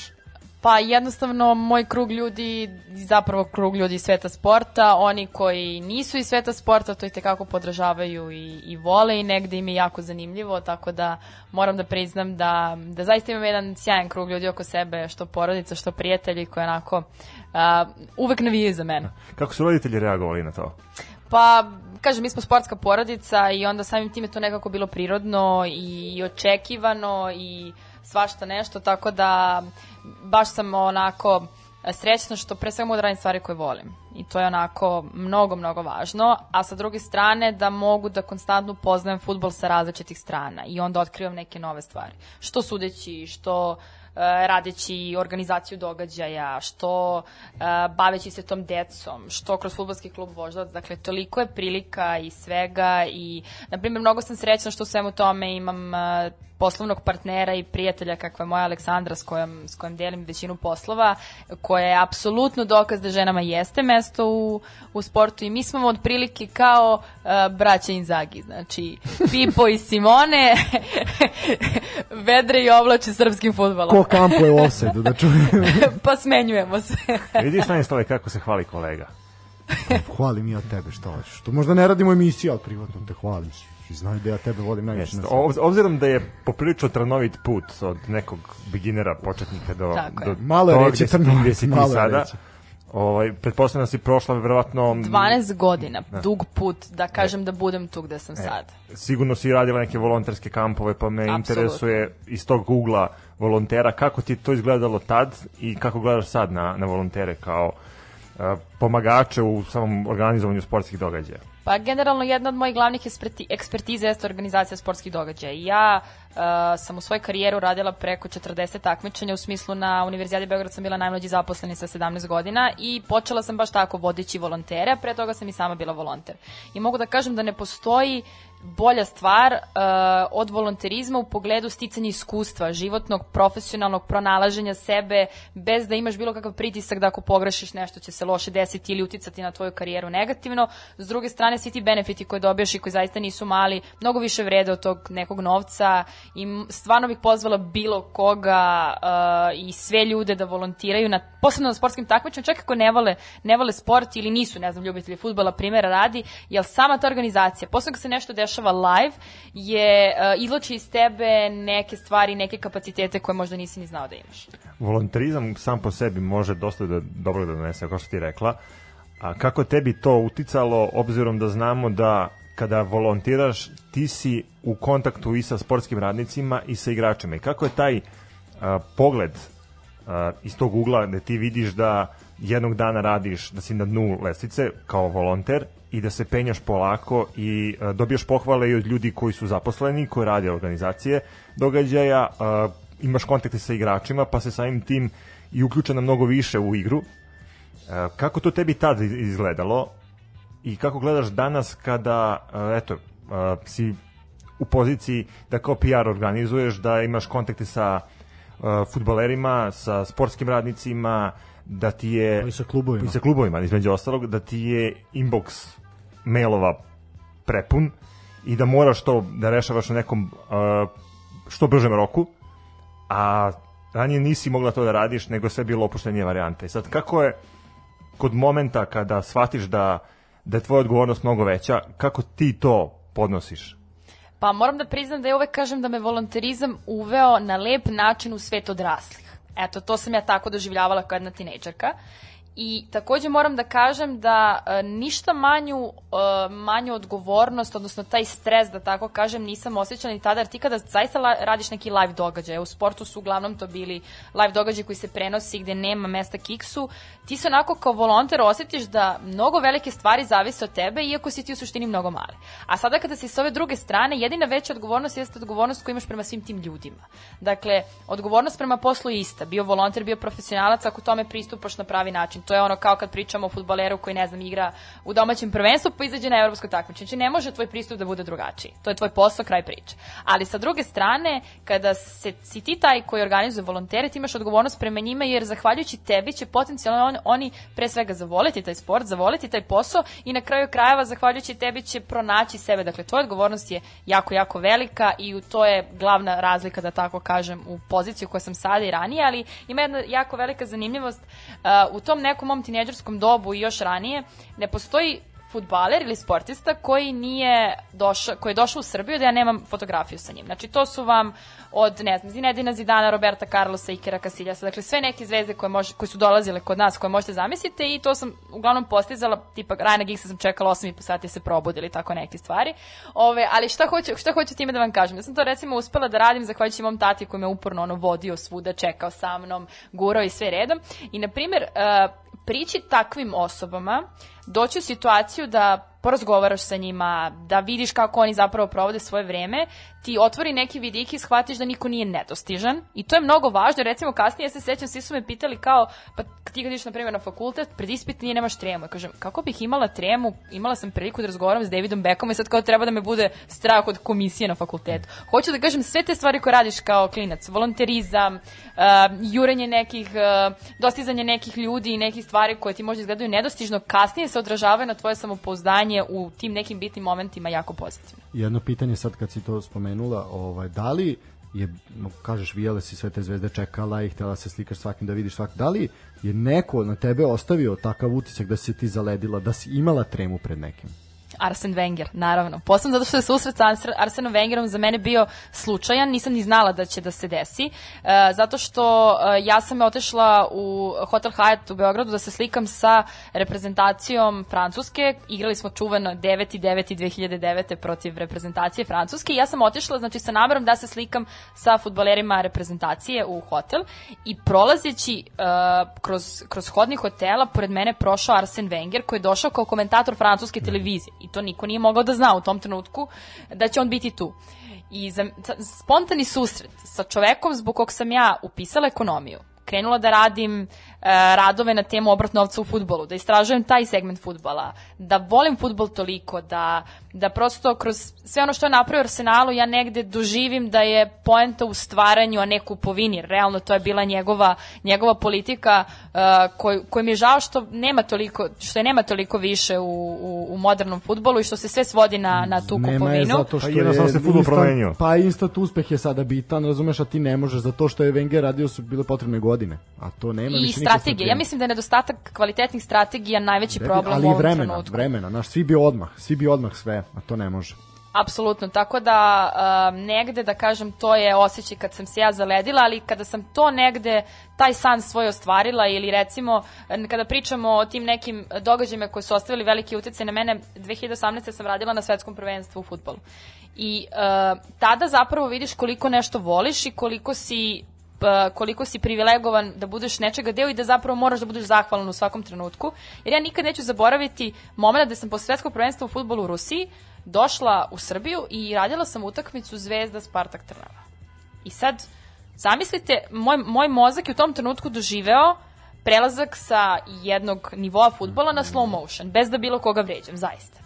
Pa tako se mi osjećamo, naš gledam uh, 10 utakmica na Li- Ling Long Super lige, no premacim na Premier ligu i on kao je.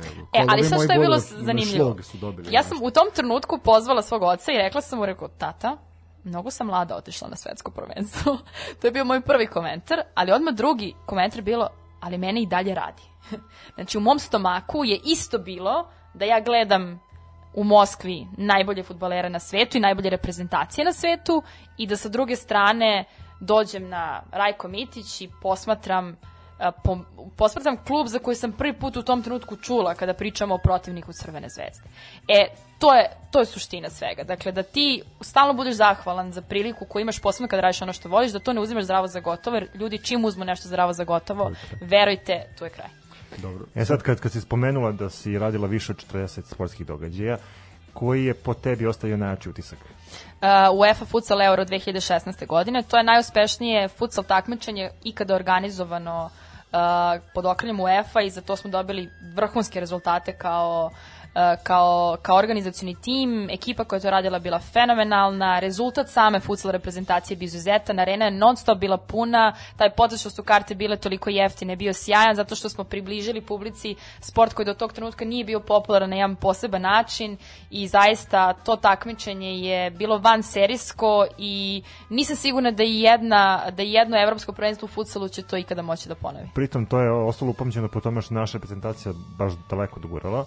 Tako je. A Sve se poklopilo, Da. dakle i organizacioni rezultat i negde pozitivna slika koju smo poslali uh, futbolskoj Evropi, uh, način na koji smo mi funkcionisali kao tim, dakle uopšte nisi imao utisak da organizuješ takmičenje koje je u Srbiji. Ja se sećam da prvenstvo koje je bilo u Sloveniji nije bilo nešto popunjeno, uh, lako su Pa loše čak i u Zagrebu pa da. pre nekoliko godina pre toga. Iako da, da, je poprilično Slovenci to loše da, organizovali. iako je arena recimo i Zagrebačka arena imala sve predispozicije kao i Beogradska, tako da Da, a na primer koliko je ovaj HMNL, ovaj prva hrvatska liga u malom fudbalu ozbiljnije takmičenje od našeg, ovaj što se tiče tog ligaškog dela, ali eto opet Pa mislim Kutija Šibica je najpoznatiji sa, iz našeg regiona kada ozbiljan, pričamo ozbiljan, turnir, da. ono još iz doba bivše Jugoslavije, pa se to sad i sada, prenelo i sada. i ostalo kao, kao, kao tako. Tako je, tako je.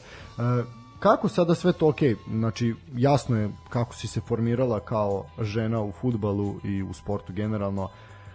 Kakav je sad, mislim, to je sad sve ono što si spominjao, to su evropska, svetski događaj, jel nešto što je dodir sa inostranima, gde je to, da kažemo, normalno. Nažalost, mi živimo tu gde živimo. Kako na tebe posmatraju kao ženu u futbalu u Srbiji?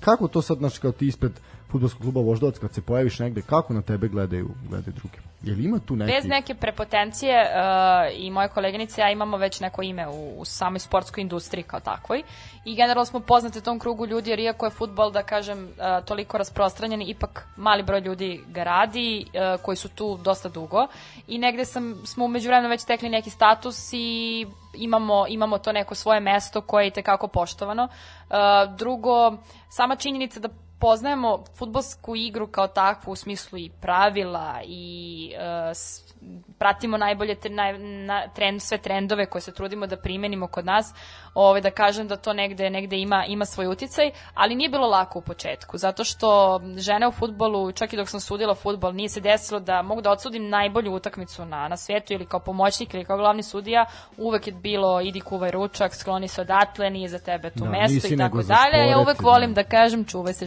žene koje zna šta je offside.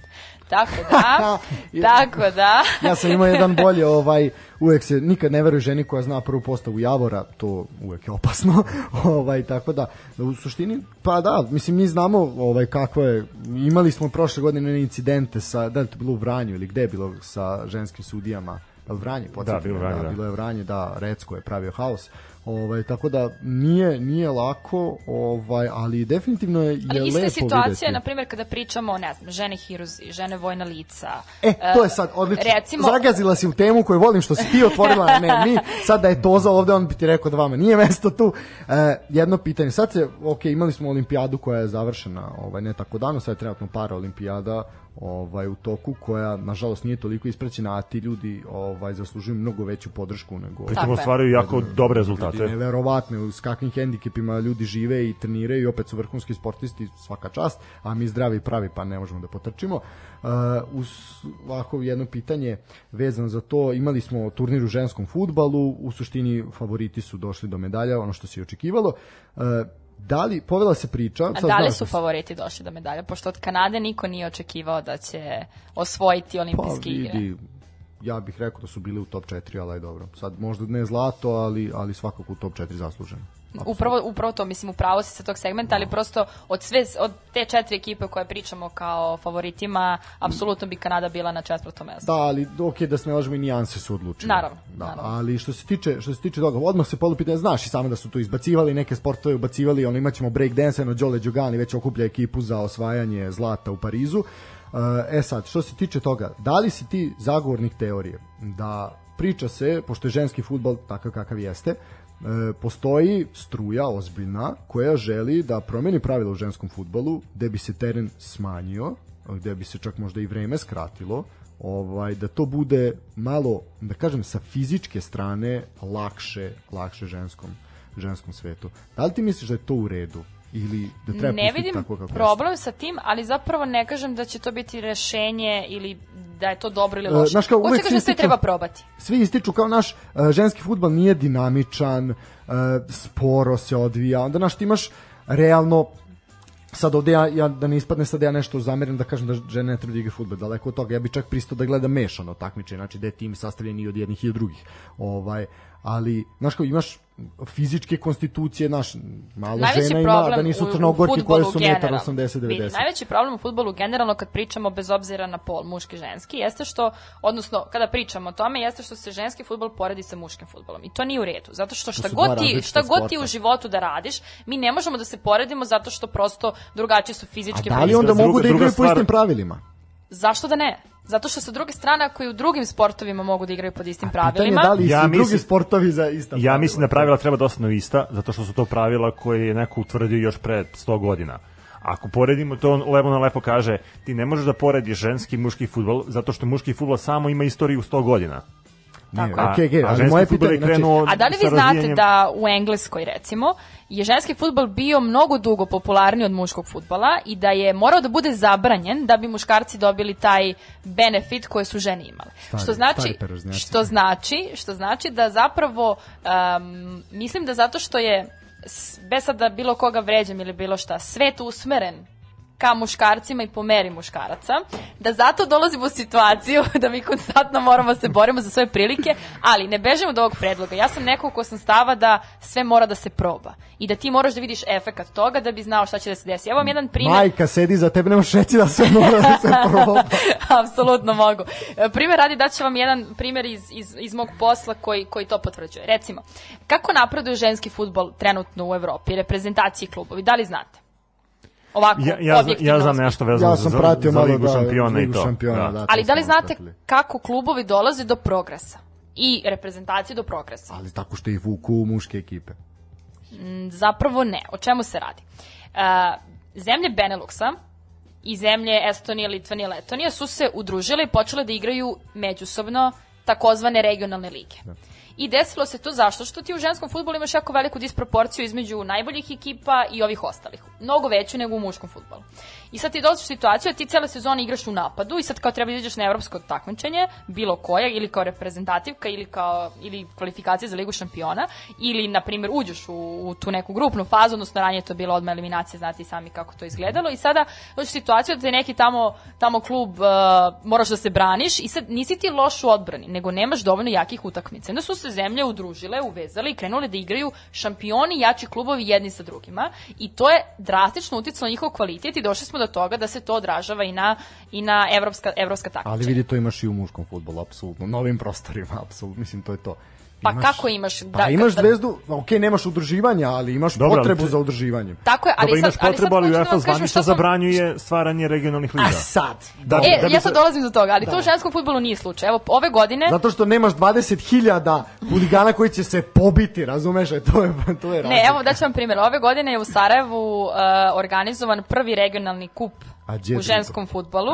Inicijatori toga smo moja koleginica Aleksandra i ja. I ono što je još zanimljivije jeste da smo mi finansiranje za to pronašli u kriptovalutama. Verovali ili ne. Kući, ovo ne, ne, ne, Ali, ne. Da vam ovo, ovo je super što je došla tamo nama da pomogne kako mi da rešimo naše financije za. Ne mogu nama ni bitcoini pomoći da druže, nema šanse.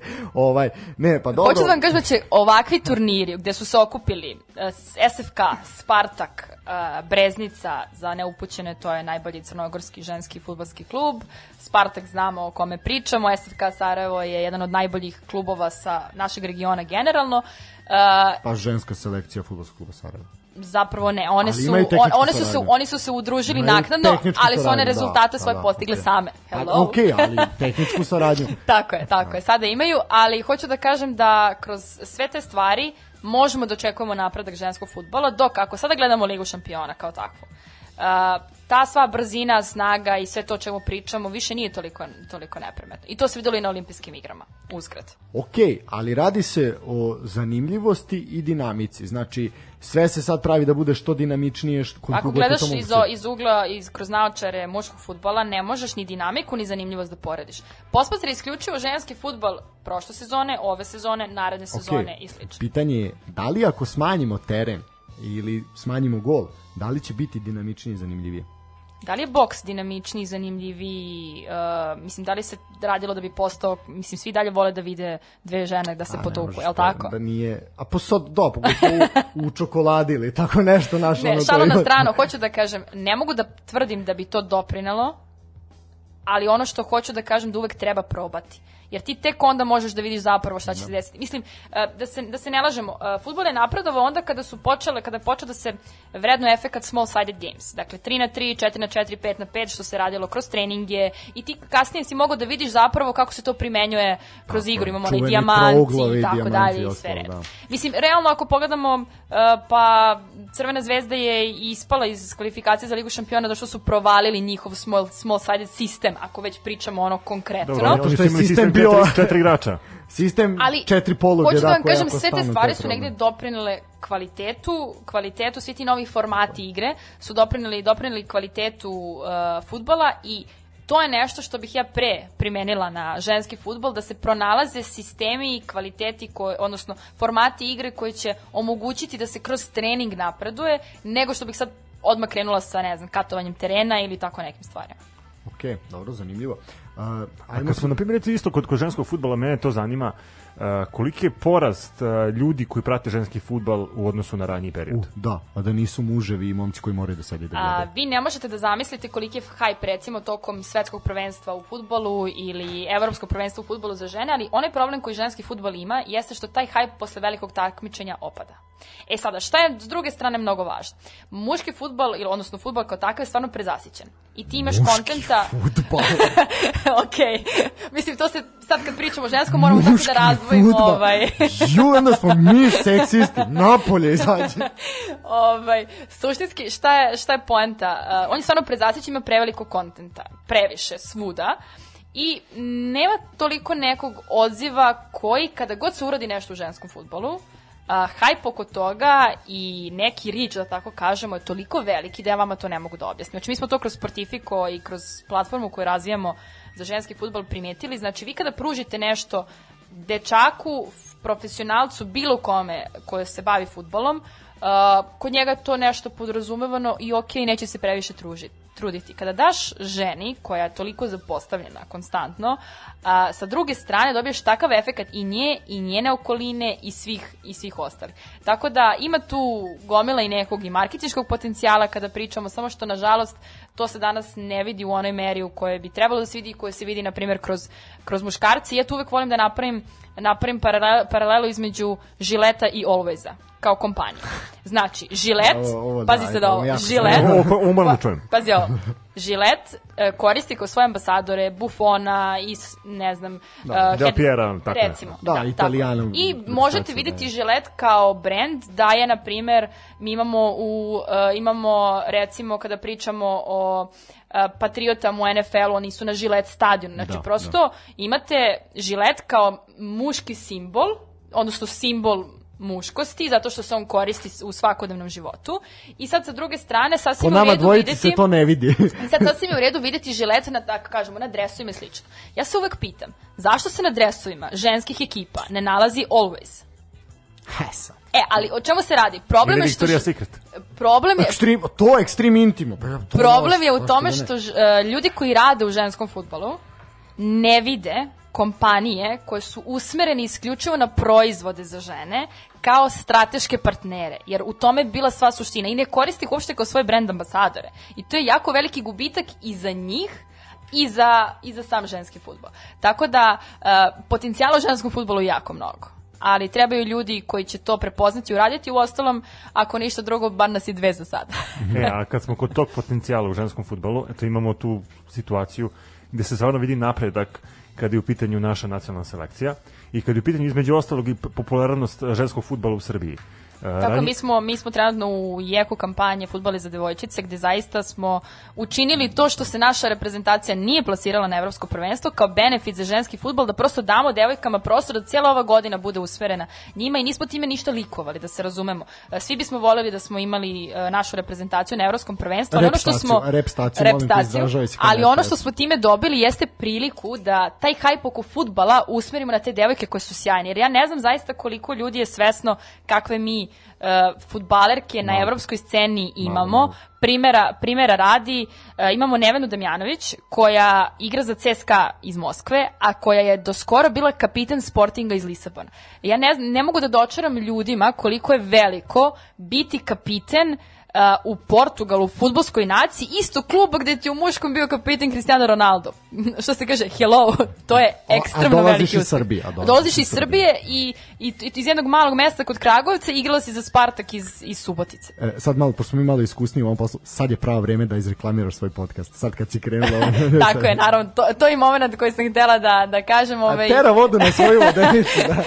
pa mislim, mi žene to uvek radimo. Tako je, ovaj, od skoro je pokrenut uh, Sock Her podcast uh, na engleskom jeziku što je pravljen za globalno tržište, ali su negde uh, gosti, uh, baš ti o kojima se malo priča, koji puno vrede i Nevena Damjanović je bila moj prvi gost i verujem da ćete uživati u toj epizodi i možete slušati kao i sada na podcast Rasa. Što bi rekli, bacili smo uho mi već. A mi smo stari od baši, mi smo se pripremili dobro. O, tako da, što se tiče podcasta, tu stvarno želimo ovaj, puno, puno sreće i mislim Hvala tako nešto Da se zadrži što duže. Potrebno, da, pa ne, vidi, to je zaista, zaista je ovaj dobra, dobro polje u kom ideš, u kom smeru i koje regiju si zahvatila. Pritom moram da Ovaj, kažem da je jako trnovit put, Ma, ne, obzirom da je da. tema ne takva trnovit, kakva jeste. nego, nego gadan poprilično. Ovaj, ali eto, treba nekad biti inovator u, u nečemu i treba ići... Ne, pa kažu da su žene hrabrije. I to Pa se da, da, treba- ovom vidi da. apsolutno, pa ne mislim ostalo. Sve sve ovaj što smo sve smo popili. Tre- treba ići sama kroz ludu šumu. pa sad baš Tako da ti koliko. stvarno, stvarno želimo sreću u tome. Hvala mnogo. Ali suzavac nek bude uvek kod tebe u džepu, to nikad se ne E, inače, off the record, dok sam sudila futbol u tim nižim ligama, imala sam posebno napravljenu zastavicu, koja je un, unutar plastike, ovaj, koja je bila, od koje se stoji drška, zapravo imala uh, aluminijumski deo, za slučaj da moram nekog da mlatnem i da bežim, Ma, da imam teleskop, čime. sudila je s teleskop. da imam čime. Strašno. Pa dobro, to, to su čari srpskog futbala. O, definitivno. Zamislite, zamislite, zamislite sudite futbol recimo, uh, sudite utakmicu na uh, terenu koji je odmah pored uh, tog nekog uh, nekog autobusa koji jedini dolazi na to mesto ili u to selo i sad vi kada hoćete da dosudite neki oštar start, to uglavnom radite kada je autobus tu, jer u suprotnom dečeš. Pa da, e, kad smo već smo kod, pisali, su, kod da. suđenja, pošto smo imali uh, priliku da ugostimo našeg druga Mareta, i kome smo postavili jako škakljiva pitanja, uh, Moram moramo... jedno ja za vas, jeste spremni? Pa ajde prvo da, da, da, da Ajde. postavim, pa ćeš ti onda nama. Ovaj, da li si imala neku jako neprijatnu situaciju tokom svoje ovaj, sudijske karijere? Pitanje koji je rang takmičenja? I da, koji je rang da? Ja sam stigla do Beogradske zone. Tu sam, ovaj, tu sam stala, ali sam sudjela prvu ligu za žene i to je onako bilo jako lepo iskustvo, ali nisam imala nepretnih situacija, sad ću vam reći zbog čega. Jer ja nisam bila od onih sudija koji steraju pravdu. Znači, ako pogrešno sam znala, kažem momcima moja, i to je to. I onda te prosto ne tretiraju te kao ono da si došao tu da si življivaš na njima, nego prosto, mislim, svi grešimo i oni greše, ali kad su oni bezobrazni, ja sam umela da im odgovorim na istim rečnikom i, na primer, kad, uh, najsmešnije bi uvek bilo kada ja nekom kažem, oni mene prozivaju za suđenje, kažem, rekao, dobro, to što ti igraš ko žena, šta ćemo s tim? Ovaj, tako da, a kad to U, žena kaže, nisko, nisko. a kad to žena kaže, ovaj, to ima neki, to ima Boli, neki boli, efekt, da, boli. boli, da. A imam jedno zanimljivo futbolsko pitanje za vas, čisto da vidimo koliki ste poznavaoci futbolske igre. E sad, vrlo pažljivo slušajte konstrukciju ovaj mog pitanja. Kuce, otvori Google, otvori Google odmah. Da li jedna ekipa može da da dva gola iz dva napada, a da druga ne pipne loptu? Ta-na-na-na. Da li jedna ekipa može, Može da, da da, dva, dva gola gola iz dva napada, a da Dobro. druga ne pipne loptu. A Može. čekaj, stani, samo jedno, ovo je trik pitanje. Da li, da li ovaj, se pipanje lopte računa kad golman vadi loptu iz mreža ili ne? Ili misliš samo zvaničan tok igre? Zvaničan tok igre. Ja mislim da može. Može. Kako? tehnički Može. Pa evo, znači, uzmemo... Krenuo, pa šta je radio Stjepan Bobek? Čekaj, Čekaj, čekaj, čekaj, čekaj, čekaj, da čujemo objašnjenje. Ajde, ajde, Stanislav, Stanislav i ja igramo protiv tebe. protiv tebe. Dobro. Evo, znači, situacija, ovaj, znači, naš, Izgubimo gol, loptu, na, ne, daš gol. naš golman je ispucao loptu sa, sa njegove, polo, ono, i- s našeg gola, ka meni, ja sam dodao Stanislavu, Stanislav je dao gol. 1-0 za nas. Tako je. Dobijemo loptu nazad od sudije, sudija da ovaj Znak. znak, igrači... ko je krenuo sa centra? Morao sam ja da krenem sa Da, centra. ti bi trebalo da kreneš s centra. Međutim, Ali ako sam ti, ali dobro da ne smem da ti presečem loptu koju izvodiš da tehnički znači ne može, da. Ali sad čekaj sad da li se to sad promenilo s obzirom da sad ne moraju više dva igrača da stoje u krugu nego može, ali opet ne smeš preseći. Da, u suštini tako Da, ne da, može, da, da, da. upravo ste. Zapravo Da. može. Ali da li, pa ne sme da preseče loptu. Mislim, tako? ja ću vam reći kako može, ali ajde čekam dalje da vidim možda vi imate neke, neke ideje. ja, ja sam razmišljao u glavi... Kako može vo- on vo- otme loptu Slušaj, vođ, vođem pravilima za, za basket. Znaš, kao, ko da koš njegova. Čekaj, sad znači čekaj, sprebacim na hokej onda da li može. ne, ja vidim ovo nasilno, znaš, ono, Ne, udariš ga, uzmeš loptu. Ne, Verovatno ne, postoji ne. neko vremensko Postoji- ogranič- ograničenje. Ne, postoji jedna vrlo, vrlo jasna situacija. Nepravilno izvede Po- ne, loptu, postoje momenti kada ne mora da se, ide, da se izvodi sa centra. To su momenti kada se postigne pogodak u poslednjoj sekundi prvog poluvremena, recimo. Bravo. Penal, šta god. I ti dolaziš, ti si ekipa koja dolazi na centar u drugom poluvremenu i ti možeš sa centra Da, daš gol. jeste, bravo. Tako da, teorijski sve je moguće. Momci, šta da vam kažem? Daj, ovo, ono, naš ovo matematički zadatak i zabavni. Kaj pusti pesmu, ono, na, ne mogu, Ne, ne, ne, možda ne ne, ćelije neću da puštam pesmu, ja sam rekao da može, tako da... Istina, dobro, rekli istina. I da bio može, si na ali- dobrom putu, samo ove smo ovaj, ovaj presekali. Ovaj, šalo na stranu, to su, to su stvari koje Ne, zaista došla postoje. je, vid sad, došla je kod nas, umjesto da bude ti meni serdare, ja tebi Vojvod, ona nas isponižavala. Tako Ne, da, nisam, nego sam vam prosto dala Ne, ovo je... jako dobre informacije. Logičko-matematičko pitanje. A, druže, ja sam iz matematike imao dva, išao sam medicinsku školu, šta očekuješ od mene? Mislim, imao sam dva, sam zašto sam... Ali sad imate neko cool pitanje koje možete vi da postavite drugim ljudima da se ono kao busate u grudi, A, kao da, ja znam to što ti ne znaš. Sad će ispasti cool u društvu. To je ono pitanje koji je glavni grad Finski. Znaš koji je glavni grad Finske? Da li znaš i još jedan grad u Finskoj? Tampere, živela sam tamo. Aha. Daj pauzu. E, sad, sad, sad, ide, sad ide pauza. Since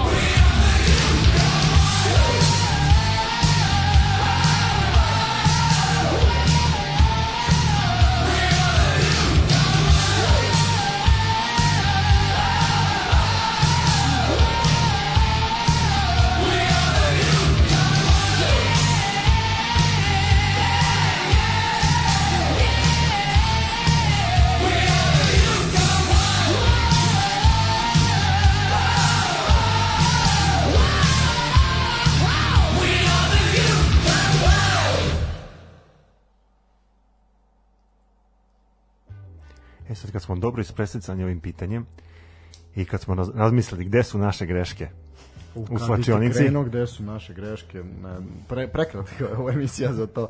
Ovaj, mislim da moramo da izvučemo neke pouke. Da, e, stiglo je par poruka, svi su, niko nije pogodio, svi su rekli ne može. Ovaj, ali eto vidiš, zapravo je trik pitanje, trik pitanje. Dobro. Sve sam vas naučila da budete cool u društvu.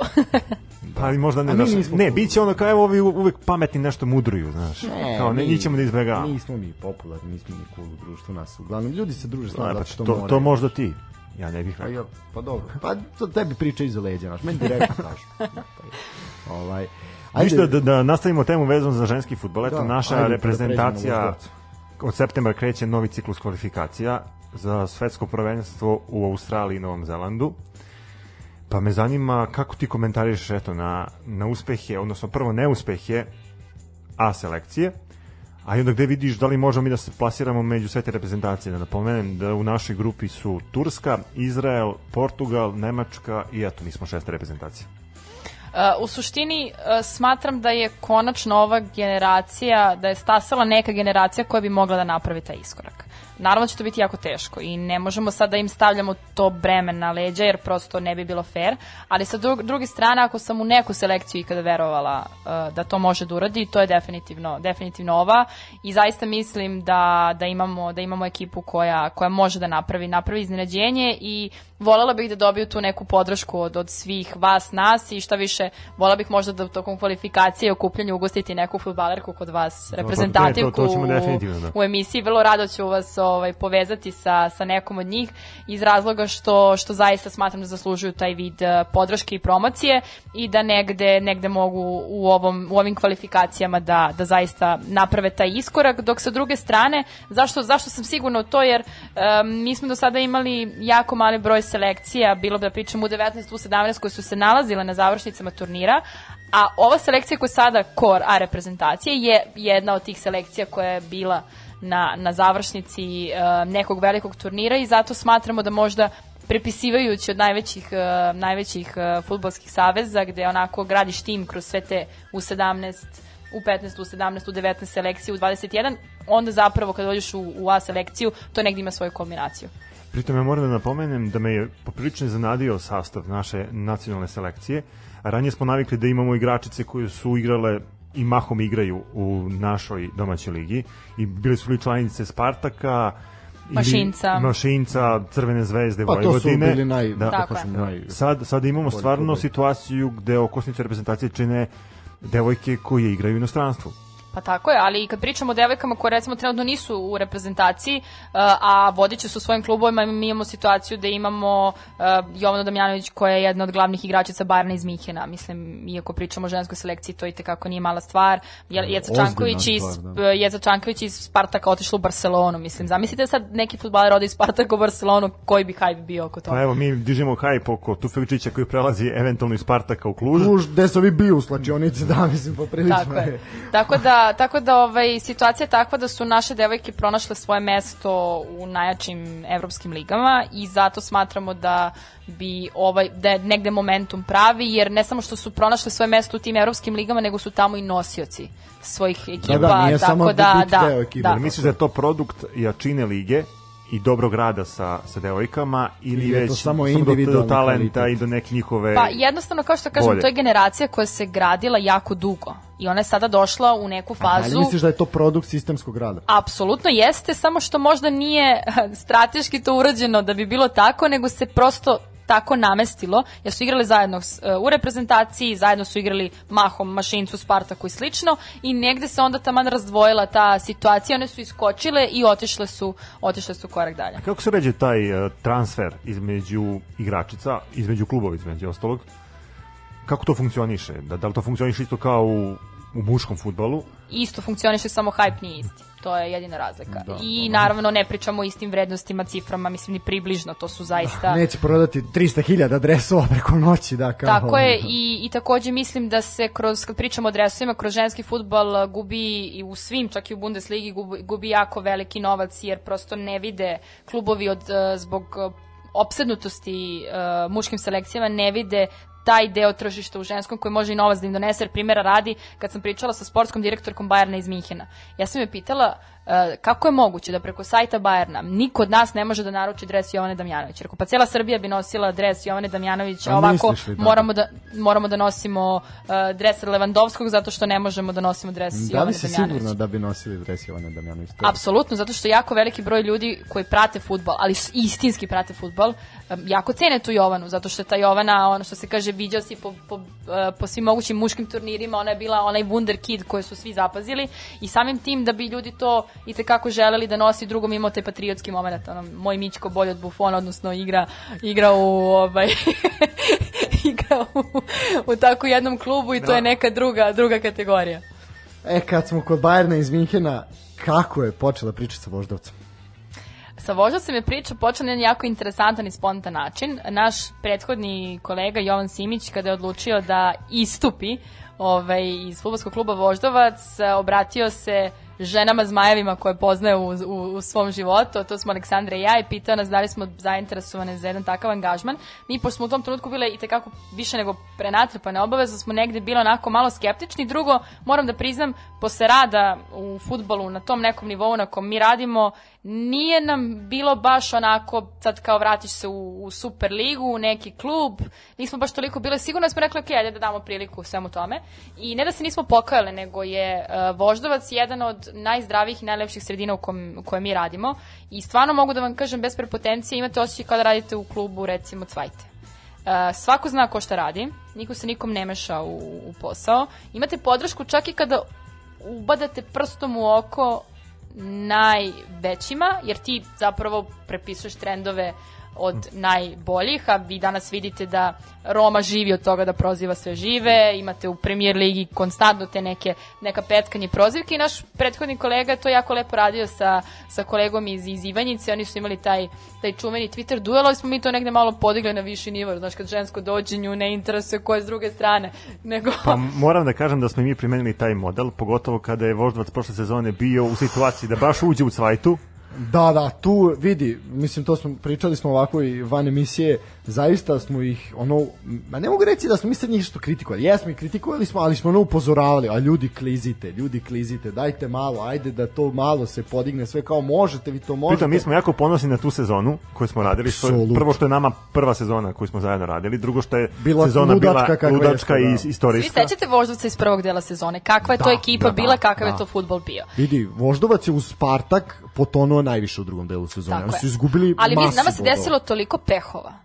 da ja zaista Ne, okej, okej, ono sad ne nije, mogu da. da. ne mogu dovoljno da vam dočaram, ali sa druge strane uh, meni je fascinantno da do poslednjeg kola vi na krovu niste mogli da osetite da bilo ko misli E, to sam da će da, do toga kažem, da, da. dođe. E, vi niste imali naš obično naši klubovi kad upadnu u tako neki ovaj pa vidimo si Kolubaru pred početak sezone koja nije mogla da se Pa sastavi. ne, imali smo i utakmicu sa, sa Novim pazarom gde je baš vrvelo od, tako emocije je, ovaj, ali psovki. imaš, tako je, ali si imao, naš kao, nije se ma manično menjao trener svako drugo kolo, naš, pogotovo Rogan je došao po meni u pravom momentu, ovaj podigao malo ekipu, naš sve tu igrali su to što igraju, trudili su se, borili su se, uzimali bodove gde su mogli, što kaže bilo je neki pehova, bilo je negde i kad se moglo više, a nije se Tako je. postiglo, ovaj, naš, to su Proleter, Mačva, Bilo je, recimo. bilo je, bilo je, bilo je momenata, ali u svakom slučaju na kraju se dobro završilo, jer zaista bi bilo šteta da klub i mislim moramo se složiti Voždovac ima ozbiljnu infrastrukturu u odnosu na druge Tako je. klubove i ozbiljnu organizaciju i marketing i sve je to onako na jednom nivou kad bismo I posmatrali moram da to- priznam da je uh, jedan od razloga zašto smo Aleksandra i ja zapravo prihvatile Voždovac i zašto toliko radimo na konstantnom poboljšanju tog kluba, radimo sa igračima kada pričamo o njihovom ponašanju na društvenim mrežama, edukaciji, komunikaciji, recimo kroz Aleksu Jankovića sad koji je u Čukaričkom, možemo da vidimo prve plodove našeg rada. U smislu sad kada ga posmatramo kako se obraća medijima, kakve izjave daje, vidimo da negde to što smo radili sa njim tokom boravka u Voždovcu i tekako ovaj, funkcioniše. I e, recimo e, šta je poenta? No, e, nije lako raditi u Zvezdi Partizanu, ali ajde napraviti rezultat sa Voždovcem, Javorom, naravno, mnogo TSC-om. Nema veze, TSC ima, vidi, TSC ima neku, neku, neku drugačiju vidu potpore u odnosu na ostale, ali sa druge strane, džabati, eto to vidimo i kroz najbolji, mislim, e, najbolje ligi, dža- džabati novac ako to nema ko da upotrebi i kako da uradi. Recimo, Huba, dečko koji radi marketing u, u TSC-u je a, kolega s kojim smo mi ušli u onu javnu podršku, ono, lav za zmaja, zmaj za lava, znači ti moraš da osetiš s kim ti treba da se uvežeš, a da to ima neki veći I efekt sa kim za... možeš. Tako je. Da ne pričamo o činjenici da, na primjer, uh, voždac na osnovu svog TikTok profila ima određene sponzore. Koliko klubova danas uopšte razmišlja o TikToku kao kanalu, a mi pritom nismo tamo zbog sponzora, nego zbog tih novih generacija koje želimo da dođu na naš stadion. Jer ne možeš ti suštinski tradicionaliste koji su rasli uz Zvezdu i Partizan da ne možeš da ih uh, zapravo očekuješ da budu tvoji, tvoji navijači, ali zato možeš ove klince koji se tu, što se kaže, šetaju kroz shopping centar da ih podigneš Tako je, tako je, ti ne Dobro, možeš preobratiti, preobratiti nekoga, nego daj nekog novog. Tako, ali ako, je ako pogledamo da je Voždovac ranije bio lokalna priča, Braći Jerković, Tako je, taj tako je, fazon, da je da. danas ljudi stvarno po Srbiji navijaju za Voždovac. Ja znam par primjera ljudi koji žive van Beograda. Ali zato što su prepoznali priču. Da, koji zdušno navijaju za Voždovac i stvarno njima je taj klub veoma drag. Pa vidi, mislim, zato što Voždovac ima neki sistem, ima neku zdravu priču, pa i poput tog Čukaričkog, znači gde oni idu svojim putem, rade ono što misle da treba da rade, sad politika kluba je taka kakva jeste, ovaj, ali naš, imamo svoj sistem, idemo to, nećemo da se dodvoravamo nikome, nego radimo, radimo svoj posao, zato i jesmo simpatični, zato bi zaista bila velika šteta da je Voždovac je. ispao, ispao iz lige, kažem, pored svih ovih stvari, imamo i tu neku, onu, kakvu sliku, kako se reprezentujemo Mislim, mi drugima. smo, da, mnogi svetski mediji naš stadion svrstavaju u jedan od top to- 5 najzanimljivijih, najlepših stadiona, da ne pričam što stvarno uslovi na kraju, pa mislim, evo sad će mlada reprezentacija trenirati kod nas u pauzi, e, ne dolazi mlada reprezentacija na bilo koji stadion. Pritom treba da napomenemo da je Voždovac imao uh, teren sa rešačkom travom prvi u Srbiji. Tako je, sećamo Tako se je. kolika je to prednost bila u početku kada mnogi nisu ni videli ovaj Kad, veštačku kada znamo travu, da je lopta padala u da. Da, u blato i sve to što je mislim, išlo, Drenaža na Karadžođu je nadaleko poznata. E sada kad smo kod reprezentacija, ovaj, ja sam video juče jednu zanimljivu vest, a to je da je odigrana trening utakmica između Voždovca i reprezentacije Omana. Ovaj, tu je Oman je dobio 2:0. Tu je voždovac u manu. Voždovac totalno Omano. Ali dobro, Ovaj, igrali smo se da, podvođenim sastavom mladincima i trener slično, je, je tako dao da, priliku da. momcima koji ono nisu imali baš neku zapaženu minutažu, imalo je 600 mladinaca bilo u timu. Ovaj kako je došla reprezentacija Omana do Beograda? Pa vrlo jednostavno, mi smo sa gospodinom Predragom Roganom dobili nešto što smatramo da je recept koji mora da primeni svaki trener koji hoće nešto da napravi u futbolu, a to je čovek koji, uh, osim što sam po sebi ima kvalitet koji ima, on ima još kvalitetni stručni štab. Dakle, Đorđe Jorović i Bane Mirjačić su pre svega bili jako dugo samostalni treneri. Dakle, oni nisu neka ta nova lica koja se uz Rogana uh, grade, nego je to jedan kompaktan tim da u svakom trenutku ti, e, kada bi, na primjer, morao Jorović da preuzme ili Mirjačić da preuzme iz bilo kog razloga, ne znam, kada kao što je bio uh, protiv Čukaričkog roga ni isključen, pa neko mora da uskoči, ti nemaš one osjećaj da iskočio pomoćnik, nego da je prosto tu uh, lider koji bi sutra mogao da vodi ekipu. Đorđe Jorović, između ostalog, je imao jako uspešnu karijeru u arapskom svetu i jako dobre kontakte koje, koje je zadržao i samim tim je on omogućio e, nama da mi e, budemo ti koje će reprezentacija Omana uvrstiti u, u svoju turneju, tako da je to zahvaljujući našem, našem ovaj, treneru Đorđu Joroviću i moram da priznam da ovaj stručni štab koji ima, koji ima futbolski klub Voždovac u ovom trenutku je zaista primer kako jedan tim trenera treba da funkcioniše. Dobro. Ono što je još obeležilo I Voždovac... kada ovih- pričamo o ovim trenerima koji brzo kiksnu ili dešava se da e, smatram da e, ti moraš u stručnom štabu da imaš trenere koji mogu da povuku kada tebi ne ide. I kada ti ne vidiš neke stvari, da oni mogu da vide Pa te je stvari. štaba, I, I da. mislim da i mislim da mnogi treneri u Srbiji greše. E, uzimaju po svaku cenu neke početnike, neke slabije trenere koji samim tim da li zato što strahuju za svoje mesto ili šta god da je smeju razlog, da e, nije, nije bitno, ali hoću da kažem da je to jedna od po meni grešaka i zato imamo situaciju da nam se uvek posle četvrtog, petog kola smenjuju treneri, uh, da se dešavaju svakakve Dobro, mi smo promene. videli da je, da je bilo promene 2-3 sata. Da, Da se kolubara. Da, da, da, da. tamo šta Dobro, to su već neke druge teme. E sad, e, ono što kažem još obeleži, obeležilo ovaj priču oko Voždovca za sad ovih prvih nekoliko kola, a to je transfer mladog Cvetićanina u Kadiz. Ovaj, zvanično najbrži igrač lige, Ovaj, ja sam prošli put napravio lapsus, zamenio sam metre za sekunde i sve, ali nije ni bitno, čovjek je najbrži, de facto, kraj. Uh, otišao je u Kadiz, uh, sad, ono, dobar transfer za Voždovac u smislu, ali koliko pametno za njega, to ćemo videti, to će vreme pokazati, naravno mi mu želimo svu sreću da se razvije onako, ima potencijal. Ali u da situaciji, moram da naglasim, u situaciji kada ti nisi bio prioritet u klubu u kom se nalaziš, iz, ne zato što nisi dovoljno dobar, nego prosto mlad si, ima neko ko u ovom trenutku ne, on je izuzetno mlad, u boljoj šta, formi ili recimo se u taktiku koju Predrag Rogan ima bolje uklapa. Znači, ako ti u toj situaciji ne igraš, a ukaže ti se takva prilika kakva je La Liga, prosto glupo bilo propustiš. A s druge strane, mi znamo da ti veliki timovi imaju strateški svoje klubove gde razvijaju te mlade igrače, znači da opet sve na njemu. Bilo da on igra u Voždovcu ili sada što je pozamljeno od strane uh, Kadiza uh, u tim nekim razvojnim ligama, znači u svakom slučaju, kako god, god da okreneš, on ima priliku da se dokaže.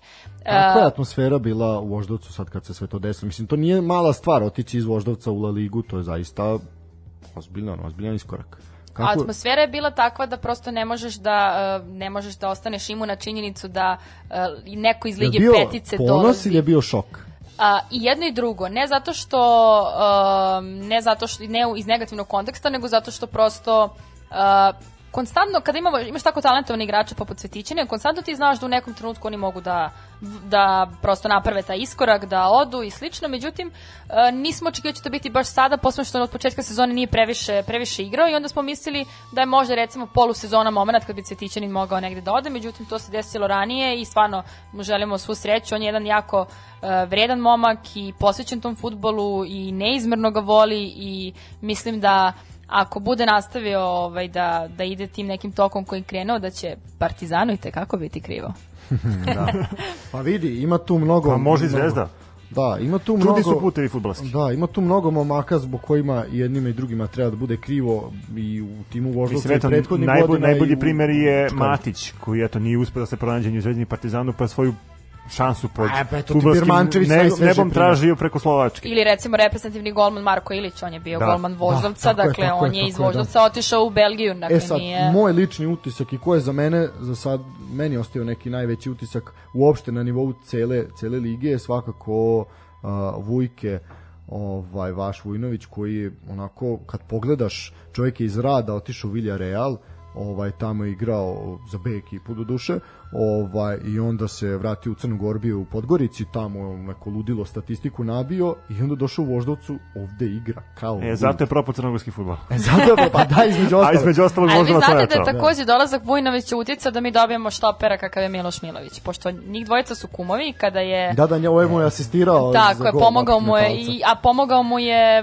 Vujnović mu je pomogao kada je pregovarao sa sa Jocom Damjanovićem o dolasku u klub ovaj, mu je pomogao i rekao imam sjajnog igrača koji smatram da treba da mu date priliku da proba, igra na toj toj poziciji. Milo je došao, u početku onako bio stegnut, onda smo sad došli u situaciju da, da je prosto stub odbrane, tako da ovo, jedna jako lepa priča unutar, unutar Voždovca i toga kako igrači mogu jedan drugom da pomognu, pošto to nije stvarno, stvarno svakodevica i to je jako, jako lepa priča. A sa druge strane, Vojnović je jako specifičan ovaj lik. Vi njega kada vidite, pitate se, bože imali života ovom čoveku. Međutim, on kada izađe, kada on izađe na teren, kada si on u svom elementu, on radi ovakve stvari kao što je da ti faktički sam napraviš sebi šansu, da. ne, rezultat, čovek, šansu. Čovek donosi, donosi toliko opcija u napadu u Voždovcu. Ali da on je mentalno nije... mnogo jak, zato što te povrede koje je doživeo u Villarealu i kasnije njega su i kroz Voždovac pratile povrede, mislim, to je jedan od razloga što smo mi toliko pali iz prvog u drugi deo sezone, jer su se desile jako velike povrede prošle sezone koje su na to uticali, plus su nam otišli mnogi igrači jer su se jako lepo pokazali, kad pričamo o Marku Živkoviću, na primer i um, prosto uh, zbog svih tih povreda koje on uspio da prevaziđe, on je izuzetno mentalno jak i on negde ima taj uh, pobednički stav i to se vidi kroz njegovu igru i to je u našem slučaju pola posla. Ne, vrlo inteligentan igrač koji brzo reaguje, zaista ovaj baš smo o tome pričali prošlu nakon gola ovaj metalcu znači čovek sam sebi kreira šansu kreira drugom šansu ima pregled igre brzo reaguje znači uvek može da asistira može lep pas da uputi da šutne jako znači sve to sve sve na mestu zaista jedan onako kompaktan i kompletan igrač Ovaj tako da zaista mislim da on može da da nosi voždovac ove sezone. I još jednom ćemo da ga kažemo povrede Miju. Radoloviću, stvarno si pogrešio što ga nisi pozvao za ovu pauzu. A dobro, to sad mislim Dobro, bit će prilike. Biće prilike, da. Ma naravno, on je već imao upisiva nastupe za, dok je nosio dres voždovca za crnogorsku reprezentaciju. Mlad Milović je prvi put pozvan 24 godine, od da. kada je uh, u voždovcu, tako da mislim da, da zaista crnogorska reprezentacija u njima može da ima, da ima potencijal. Dobro. Šta je cilj voždovca ove sezone? Da budemo u plavoj zoni tabele. Dobro. Šta su realno očekivanja? Ovo što sam rekla. Znači, mislite da... Mislim, Ne, zašto ovo... ne napadamo Evropu, ne idemo, ali E, s to, druge to, to, strane to. idemo na svaku utakmicu kao da ćemo je pobediti. I zbog toga smo mnogo besni što, na primjer, smo izgubili u Novom Sadu od Vojvodine, gde Vojvodina apsolutno ništa nije pokazala protiv Voždovca, gde si sam sebi dao, dao dva gola na neki način i to su neke stvari sa kojima se trenutno su- borimo. Tako, Tako je. iskoristili su greške i to Tako je je, to. sa kojima se borimo, ali sa druge strane uh, smatramo da Voždovci tekako jeste mesto u gornjem delu tabele i da priče o ispadanju treba da budu prošlost i o borbi za opstanak treba da budu prošlost, ali opet moramo da budemo svesni da ova liga kakva je sada uh, je donela neki malo drugačiji futbol, malo kvalitetniji futbol i apsolutno je svaki Ne malo. svaki bod Koplje, koplje u odnosu na prošle tako je, i znači, svaki, svaki bod je važan, tako da ne smeš da gubiš bodove kada se od tebe to ne očekuje i mi se nadamo da ćemo već u ponedjeljak nastaviti taj pobednički niz kod kuće koji traje, pošto Predrag Rogan, da kucam u drvo, pomerim se s mesta, nije izgubio ovaj utakmicu od kad je preuzeo voždovac na krovu. Ovaj, e sad, odlično, to je najava bila da uđemo upravo o tome svemu i o toj priči. Uh, definitivno Voždovcu jeste mesto u play-offu i ovome što su pokazali ovaj u ovom delu za sada. Barem do sada, uvodnom, da. Uh, Ma da treba uzeti u obzir da u odnosu na prošlu sezonu pa i ovu, da možda mi nismo FK prvi deo sezone, sačekati drugi da, Da, vidimo okej, kako pa- stoje stvari. Dobro, opet, tu Mislim, zavisi- Ja se na slažem stranu. previše rano da, da, da Ne, komentarišemo. naravno, ovo je sve sad znači prvi, kolo. prvi utisak. Za sada ima mnogo kluba koji su u golemim problemima Tako što se je. tiče igre i organizaciono i ima baš baš problema ozbiljnih. E, sama si rekla da prošle sezone liga takva kakva jeste smejurija i cirkus ovaj sa 20 timova bilo ne ponovilo se. E, realno i ovo je previše. Tvoje lično mišljenje koji je idealan broj? Pa mislim da kad Odnosno, ga kako, budemo... kako gledaš na ovo skraćenje? da. Ovo skraćenje je definitivno, kao što vidimo kroz kvalitet od početka, od početka prvenstva i tekako dobro došlo, ali sa druge strane ja ne bih višla, išla nadalje od ovoga, zato što svi ti neki futbolski centri koji žive zahvaljujući Superligi neće živeti ako do toga dođe. A nisam Ali sigurna, nisam ovo. sigurna, nisam sigurna da je kvalitet uh, još da je kvalitet lige vredan da mi izgubimo te neke centre koji su mnogo važni zbog svih tih klinaca koji, koji dolaze i tako da uh, za sada, za sada ja bih rekla da treba da se držimo na ovom broju, ali da se ne vraćamo na ono što je bilo prošle Ne, nikako, sezone. nikako više od ovoga. I ovo je upitno jako. Ovo je I ovde, čak i o- realno taman. i ovde, ne bih ja rekao da je taman, i Pa, ovde ne imaš znaš čak kako, ja dva mislim- tima koja su previše. Realno imaš dva tima koji nemaju, nemaju kvalitet. Ne ni kvalitet, ni infrastrukturu.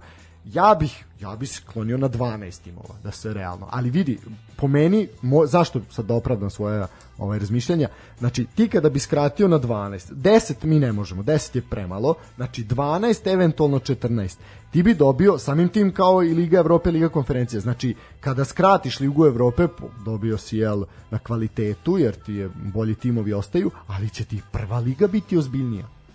A da li će? A pa biće, kako ne? Pa, Imaćeš opet timove moraš da razmišljaš o mentalitetu i našeg naroda i naših futbalera i naših igrača Pritom i moramo da svega. gledamo i Nije kakva to je baš druga liga, tako... da. Pa čekaj, Znači, ja- druga liga se mnogo, mnogo razlikuje od, od Superlige. Pa naravno, pa zato i jeste A razlika. ne, ali pričamo u organizacionom smislu. Pa Koliko ne- klubova ispada i koliko klubova ulazi. Okej, ali namestiš onda da bude reciprocitet, znači, ali onda ćeš imati ozbiljnije timove u prvoj ligi koji će kidisati na život i smrt da uđu u Superligu. A isto tako i ovi će se boriti na život i smrt da ostanu. Mislim da će biti mnogo zanimljivije i kvalitetnije prvenstvo. Mi smo definitivno dobili na kvalitetu futbala i sad moje sledeće pitanje, kako vi e, gledate na organizaciju u smislu ono što mi stalno komentarišemo, to je arenini termini, znači koji znaju da budu jezivi, pogotovo sa prošlih nelja u pola pet na temperaturi od 45 stepeni, mislim to je jako katastrofa. Pritom proleter koji je igrao u terminu ponedeljak, znači ponedeljak radni dan od 5 na 45 stepeni po onom paklu, utakmica humanitarnog karaktera u smislu prodaje karata i sve za, za decu koje je pomoć potrebna, konkretno za malog Boška je bilo, Znači, i ti onda na, daš klubu takav idiotski termin. Mislim, sa opraštenja, ali idiotski. Ovaj, da li, sad imamo, prošle sezone smo imali te multikast prenose gde su svi igrali u istom terminu i tako dalje i tako dalje. Da, zbog regularnosti sve to. Da. Kako sad gledate na to da svaka utakmica ide u posebnom terminu? Znači iz krajnosti to u krajnosti. To je toliko, toliko dobro za kvalitet futbala, za te igrače, za nas kao klubove, da prosto ne mogu dovoljno da vam dočaram uh, sada koliko je to važno i koliko je to dobro. Zapravo, pričali smo dosta o ženskom futbolu i negde kada bi se slična stvar primenila na ženski futbol, ta vidljivost i opet kvalitet bi bio mnogo veći. Ne, ne bi se dešavale neke trivialne stvari koje, su, koje se dešavaju jer to niko ne vidi. E to je recimo, recimo sad se to vidi kroz, kroz Superligu i od ove sezone i ne, e, ako, smo, ako baš pričamo o toj regularnosti, da li može ikada biti regularnije dok kada zaista se sve vidi?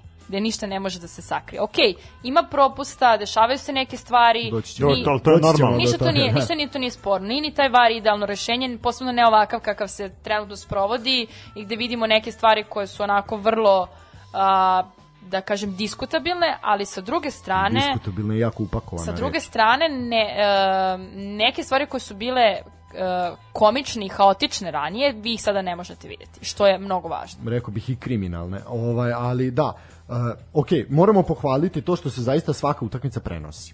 Uh, mene je malo strah sad, s obzirom da je Arena potpisala masu novih liga, uh, koje će naravno dobiti prednost u odnosu na Superligu zato što koštaju više. Uh, da li će taj trend uh, uspeti da se održi, to ćemo videti, ali jeste dobra stvar što se svaka utakmica prenosi. Uh, meni se posebno sviđa sa anijom i kako ti gledaš na to što sada imamo to kolo koje traje 3 dana. Znači imaš petak, subotu, nedelju. Ponedeljak koliko je pametan ili nije pametan, mislim da to nije dobro, jer realno te utakmice, nažalost je tako, koje se igraju ponedeljkom od 17 časova, to niko ne može da isprati. Znači, pogotovo ponedeljkom, petkom i ajde, Tako je, ali termin je recimo ponedeljak u 20 časova okay, je više nego dobar, ima, na primjer. I to je okej, okay, ali imao si sad zadnjih nekoliko nedelja si imao i taj od 17 koji nije baš tako idealan. E, istina, ali sa druge strane, koliko je ovo doprinalo futbolu, toliko je to što nije dobro, da kažem, ni, ne utiče toliko ovaj, na, na, na, na sve nas koji smo, koji smo deo svega toga, ali ovaj, hoću da kažem da e, zaista to što je što je svaka utakmica se snima zlata vredno i mi kao klubovi smo govorili godinama da je to prosto neophodno da je to pa nisu sve. baš svi klubovi govorili. Pa dobro, to je njihov problem i pričamo iz ugla voždovca gde kod nas su stvari više nego jasne. Kod nas 1-1-2 i nema tu nekih nekih velikih, ovaj, mislim, svi ste vidjeli pre nekoliko sezona kako je Voždovac hrabro odigrao uh, ovaj, u, u određenoj utakmici i, i gde se negde pokazalo da nije ni jedna ni druga strana, što je Volim mnogo važno. Spomenula, moram da kažem. Ovaj, što je mnogo važno. Inače, u pitanju je sezona 2017. Da, da, znamo svi o čemu ne se Ne pričamo o detaljima. Ne, jasno je. Ne pričamo samo, samo sam rekao. o detaljima, Svaki. ali je suštinski to mnogo važno za nas, zato što se stalno priča da su svi neki klubovi Superlige koji nisu Zvezda i Partizan, filijala ovih ili Da, da, da. Mislim, stvarno. Da Koliko se... ta priča zapravo nervira kad si u nekom klubu kao što je Voždovac. jel? Na, Gde te previše. etiketiraju previše. kao... Posebno gde te, kod tebe dolaze igrači iz tih istih klubova Zvezde i Partizana koji nisu dobili priliku u svom klubu da. i oni vide tvoj klub kao priliku da dokažu koliko oni zapravo vrede. I to je ona priča, zašto se zaleću protiv svog kluba Tako kao je. Pa Mislim, zato da bi pokazao. I, i, i to, je, to, je, to je stvarno lepota klubova kakav, kakav je Voždovac. Mislim, naravno, nama je uvek prioritet i najveća radost kada iz naše omladinske škole e, neki igrač dođe do prvog tima i napravi neki vrhunski rezultat. Primera radi, mi se toliko ponosimo Stefanom Purtićem kao takvim i imamo sad i Dragana Stojsavljevića i uh, to su stvarno neke, neke stvari koje su, koje su jako, jako, jako važne i jako bitne i zato i toliko ulažemo u, u našu, našu omladinsku školu, ali sa druge strane ne odrećeš se ni wunderkidova koji su bili višak u Zvezdi Partizanu i od njih praviš vrhunske igrače i negde stavljaš do znanja hej pa futbol se igra i van autokomande. Ja se slažem. Apsolutno ne, futbal mora da se igra i van autokomande, to je definitivno. A, Boždovac jeste dobar primer kako može da se stvori Čukarički i tako, Tako pa i Vojvodina i tako dalje i tako dalje. Sve to sve to kako jeste. Uh, načeli smo više puta temu vara. Ajde da konačno i tu i to pričamo. Kako vama deluje VAR kao nekome, znači kao klubu, a, pošto nama kao posmatračima, kao nekome ko gleda sve utakmice u kolu, meni ovo deluje jako jezivo. A, samo da kratko elaboriram šta je tačno jezivo. Znači, jezivo je prva stvar da onaj ko gleda preko televizije nema pojma šta se gleda, znači arena nije dan put nije vratila, e, kriminalno je što ne radi VAR na nekim stadionima, kriminalno je što su se neki klubovi toliko oštetili da to nije normalno. Kolubara, pa se onda digla frka u, u Subotici ostalog i oko Voždovac. vožd. Sve stoji. recimo u utakmici protiv Metalca sada kada pričamo o startu Apsolutno. koji je bio na sredini terena Tako pa onda na Znači, primer to je a, sve- E. protiv Partizana gde verovali ili ne kada, kada primiš gol iz, iz offside-a koji vidiš kasnije u situaciji gde gubiš 1-0 ili 2-0 protiv Partizana, to pravi veliku razliku Mhm. za i ekipe kakva je, kakva je Voždovac. I sa tog aspekta uh, ja zaista uh, znači koliko je dobrog doneo VAR, suštinski jeste, jer ne bi ni imao tu arenu non stop da nemaš VAR sistem, recimo, koliko toga dobrog doneo i ne bi sudije bile mnogo više kontrolisane nego što su to bile ranije. To je pozitivna stvar, znači, definitivno ali sa druge strane, sa druge sudija. strane imaš imaš jedan jedan jedan doživljaj da imaš taj isti VAR koji suštinski niko ne koristi na način na koji bi trebalo, da se pitaš pa dobro, E, da li, Koja- koja je da li, sad ja se ne bih složio sa tobom, e, ima različitih primjena vara, e sad mislim da smo mi za tri, koliko, 6-8 meseci je trajala edukacija, e, mislim da je moglo i moralo bolje, ovo za sad je jako loše. Ja najveći problem imam sa vremenom koji se gubi na VAR. To, To je to sedam je minuta se gleda jer VAR. Daću problem, daću daću primer uh, sa jedne moje utakmice dok sam ja sudila koja ne može da se poredi sa ovim što pričamo u Superligi, ali ali ima ima veze sa tim uh, gubljenjem vremena i šta možeš da napraviš kada izgubiš vreme. Uh, dosudila sam neki prekršaj, kretala sam se ka mestu prekršaja i igrač koji je trebao da nam vrati loptu, nije nije video da se ja krećem i udario me je uh, udario me je u uh, u stomak i izbio mi vazduh.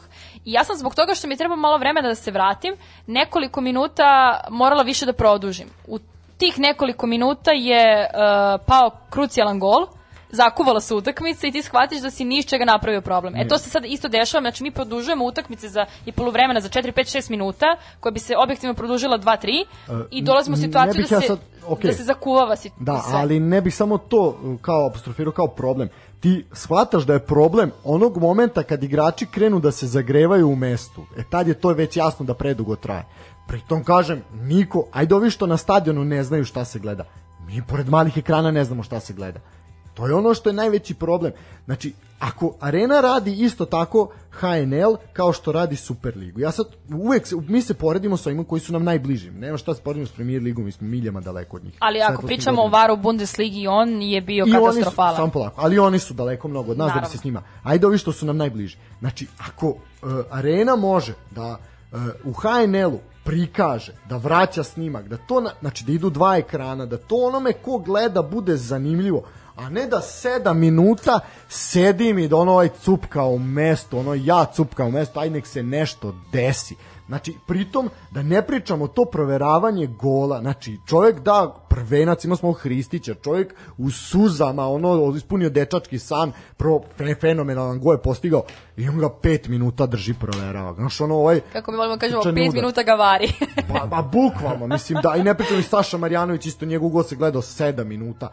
Znači, zaista je to po meni jako, jako loše. Mi se nadamo da će to ići u nekom smeru, znaš, ok, ajde, prvi mačići se u vodu bacaju, ali za sada to... Ne, ne zapravo utisak. moramo da dođemo u situaciju da je playoff taj gde takvih propusta ne sme da bude. A vidi, sad, ove godine imamo play-off gde se ne dele bodovi, jel tako? Da. Znači, imaš samo koliko Samo se će nastavlja. tu, samo se nastavlja, koliko će tu imati značaja. Zapravo sad se kreira slika. Istina, ali opet kažem, uh, imaće značaja posebno kada pričamo, ja sad govorim, branim ove klubove koji nisu u vrhu tabele, Naravno. posebno kada pričamo o momentu ispadanja. Znači, to da, će biti već, da. to će biti zlata vredno da se tada VAR primenjuje doslovce perfektno.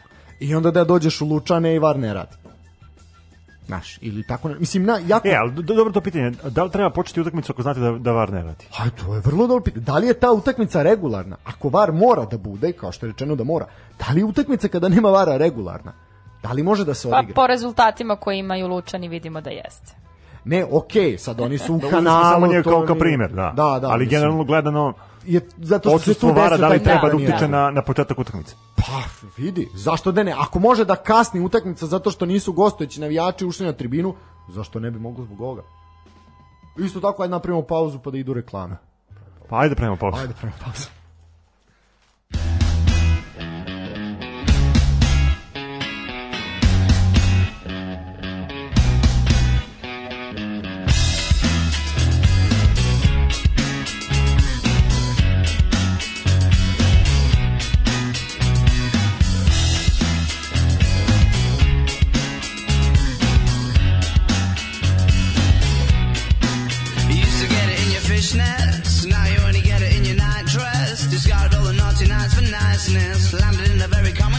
Crisis. Everything's in order in a black hole.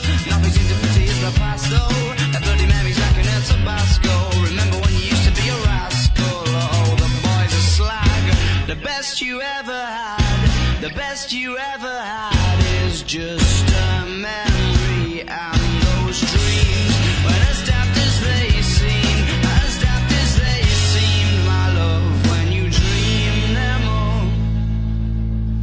through a little book of sex tips. Remember when the bars were all electric? And now when she told she's gonna get it, I'm guessing that she'd rather just forget it. Clinging to not getting sentimental. Said she wasn't going, but she went still. Like a gentleman to be gentle. Was it a mechadabra or a betting pencil? Oh, the boys are slag. The best you ever had, the best you ever had is just a memory and those dreams. But as daft as they seem, as daft as they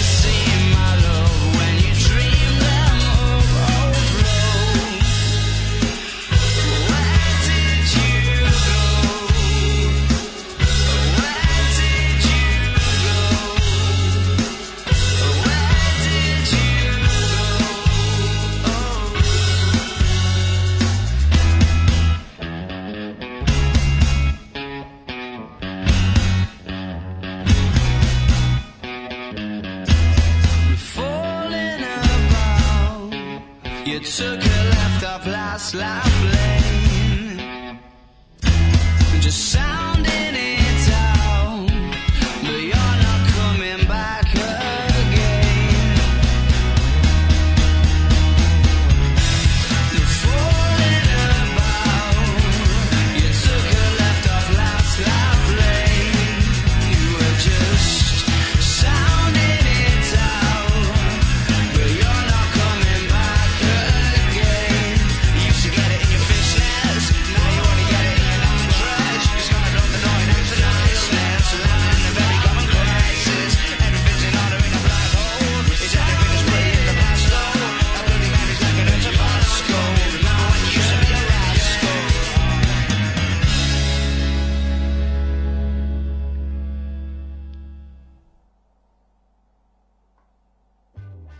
Uspeli smo da se konsolidujemo malo, a stigle su neke poruke.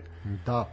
Ovaj, po suštini pohvale, pohvale za našu, za našu gošću, svi ovako su oduševljeni i Hvala mnogo, divni da, ljudi. Da, nema nekih konkretnih pitanja, osim ono da, da nismo već nešto pitali, tako da se ne, ne ponavljamo, ali je stigla jedna poruka koja ovako, moram, moram pročitati, E, kaže, ljudi moji, pa da neko toliko voli ovu ligu, oduševili ste me, toliko zdravog razuma, sad ovo je upitno, i ljubavi za nešto zašto smo izgubili svako interesovanje, kaže, vi ste Daško i Mlađa što se tiče našeg futbola, veliki sportski pozdrav, a uskoro mora nešto i da legne. Mogla bi neka plata uskoro da legne, ovaj, ne, hvala. A, a mogli bi mi da legnemo ipak. A mogli bi mi, znaš kad jutros bilo pola šest, ovaj, radnička klasa mora i da odmori nekad. Ne, zaista, ovaj, nama je drago što se povezujemo sa ljudima i kao što je Ruža i kao što su bili i naši neki prethodni gosti, ovaj, kojima je stalo da se nešto pokrene, da se neko pozitivno... čine zdravu stranu Tako sporta. je, da se nešto pozitivno istakne u ovoj, na- ima šta pozitivno da se istakne u našem sportu i futbalu generalno, a znaš kao da ne bude, mi, mi, nama se toliko diže kosa na glavi kad naša liga izađe u, u ono što bi rekli trending vesti, ali je to naš ono rasistički ispad, politički ispad, tuča, prekid utakmice u pazaru i tako Pa dalje. onda i, i tako ta dalje. fama koja je krenula oko namešanja sa- utakmice i e, svega da, toga. To da ne pričam, to, to, to smo toliko bili besni da to, ono, ako pustiš neku našu epizodu iz tog perioda, čućeš da smo ono pritisak bio 300 sa 200. Uh, e sad, imao je i Voždovac jednu situaciju škakljivu s početka sezone. Tako je, vrlo neprijatno, da Da, i tu smo, s tim smo, to baš ono prva utakmica prvog kola, koja je bila fantastična. Znači, Da sam ne pričamo o je golu Nemanje Milovića koji je bio... Čovjek je odmah prvi gol, znači to je to. I to s Čukaričkom što je posebno važno za njegovu karijeru. Zato što je da, bio tamo. Ovaj, e sad, uh, taj ispad, Čekaj, pre nego što postaviš pitanje, ja moram sam da, da se nadovežem. Da li misliš da je potrebno da igrači slave gol protiv, e, e, uh, ovo je, ovo je da, ovo on ovaj, protiv potencijira. da. uh, ekipe za koju su ranije igrali?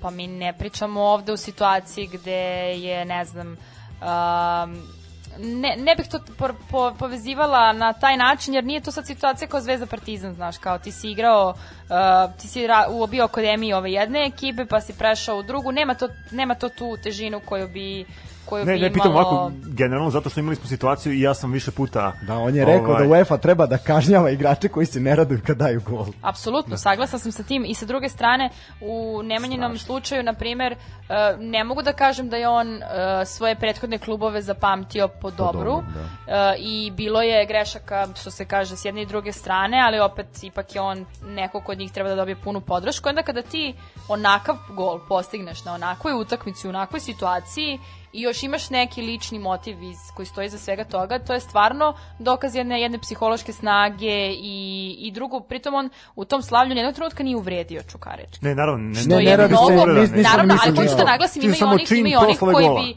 koji bi u slučaju da, na primjer, ih imaju neki negativni iskustvo sa klubom, to uradili na jako ružan način. A to je sad to pitanje, da li treba dizati tenziju? Znači, on svakako postoji tenzija između njega i bivšeg kluba, ne, ne pričam sad o Miloviću, nego bilo kom, bilo kom igraču koji igra protiv bivšeg kluba. Da li, da li tu, se, tu se sad nas dvojice ne slažemo, znači, da, jako je teško biti odmeren i ostati u toj nekoj granici da to bude radovanje, a ne provokacija. Dobro, ali ti uvek imaš situacije koje mogu da izazovu neki incident ili između ostalog da, da Bože, podignu hvala, masu. pa mi Bure Baru Evo imali smo sad uh, imali smo sad u četvrtak na utakmici Partizanovoj gde je uh, došlo do komeškanja između uh, redara i uh, igrača. I to ćemo tek vidjeti kako će se završiti, I na da. kraju eto tu tu nastao problem uh, digla se euforija oko toga. Prvo na kraju došli smo do toga da se priča o nekim rasističkim ispadima.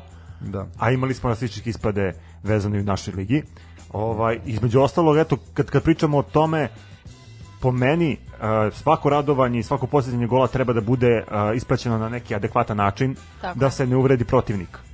Ako Pričali gledamo smo te da sportske radimo- Znaš što je? momente. Pričali smo da mi radimo recimo sa, sa, sa igračima i mi njima stalno objašnjamo sve što uradite je javni nastup. znači s kim god da komunicirate, kako se postavljate, nemojte da vas pamte po lošem. Pa, neka vas pamte kao gospodu i u ostalom verujte mi, svi ti klubovi kako ima vi težite da napravite transfere u te velike klubove, gledaju svemu tome vode. Tako je, Jer oni tako neće nekog ekses, eksesnog dileju koji će sutra da im napravi problem sa navijačima. Zašto? Jer ti navijači kupuju karte, ti navijači dolaze da te bodre i tako dalje. Tako je, u da drugim to je državama klubovi žive od navijača, Tako nije je. kao kod nas, da. Pa negde su navijači deo, deo vlasničke strukture, mislim, o čemu Apsolutno, pričamo. imamo takvih takvih ovaj primera i u regionu. Ovaj e sad da, ajmo na taj na to prvo kolo famozno i na taj incident na Banovom brdu e, A, I opet dolazimo od toga šaka, šaka ovaj problematičnih ljudi pravi problem i stavlja klub u nezgodnu poziciju. Mene zanima sad kako je to izgledalo unutar zidina, što bi rekli, kako je to bilo u klubu, taj moment kad se to dešava i taj trenutak posle utakmice. Vi ste jako dobro reagovali. Mi znači, to smo sve- momentalno, što se kaže, je, ekspresno, konsolidovali ekspresno, da. redove i odmah smo u dogovoru sa generalnim direktorom uh, apsolutno odmah rekli da jedino što možemo i moramo da uradimo jeste da se prosto izvinimo i da stavimo do znanja da mi ne podržavamo takvo ponašanje i to je apsolutno tako. Mislim, Voždovac je jedan porodični klub koji zaista i takvu atmosferu ima i sa druge strane uh, uh, teži i okuplja takve navijače. E sada, Voždovac takođe kao klub i kao kraj, kada pričamo o nam lokal momentu, ima neke specifičnost, specifične navijače, da tako kažem, Da, da. kojih, kojih se ti naravno ne odričeš, jer oni vole tvoj klub. Ne možeš ti tek tako samo zato Ja što... čak se ne bi ni odricao, to je to. Pa, naravno, to je to što ti se čini ne- taj klub. Ti se ne odričeš, ali sa druge strane moraš i njima da staviš do znanja gde je granica. E, to je moje pitanje. Kakve klub ali ima ne kontaktne možeš, sa- ne možeš ni da kršiš ustav i da im braniš pravo da oni budu na tvom stadionu iz razloga što je to nešto što apsolutno ne može da se radi. Dok e god ne sada, krše zakon, da. sa druge strane, uh, ti imaš mehanizme u klubu uh, kojima uspevaš da dođeš do te situacije i mi smo za sada, i to se vidi kroz naredne utakmice koje su bile voždovca, uh, to uspeli da, da postignemo i ti neki ljudi, počeš od našeg komesara za bezbednost koji imaju i tekako veliku ulogu kada pričamo i dobre kontakte, kada pričamo o bezbednosti države, ne samo uh, ne samo futbala, koji negde su u razgovoru sa relevantnim organima došli do zaključka kako i na koji način im preneti poruku i reći šta će da se desi ako se ne dovedu u red, jer prosto ne želimo da mi kao klub trpimo. Odlično, sve si rekao. Ovaj, ne, ne, to je to. Mislim, ovo je, zaista je bilo onako sramotno.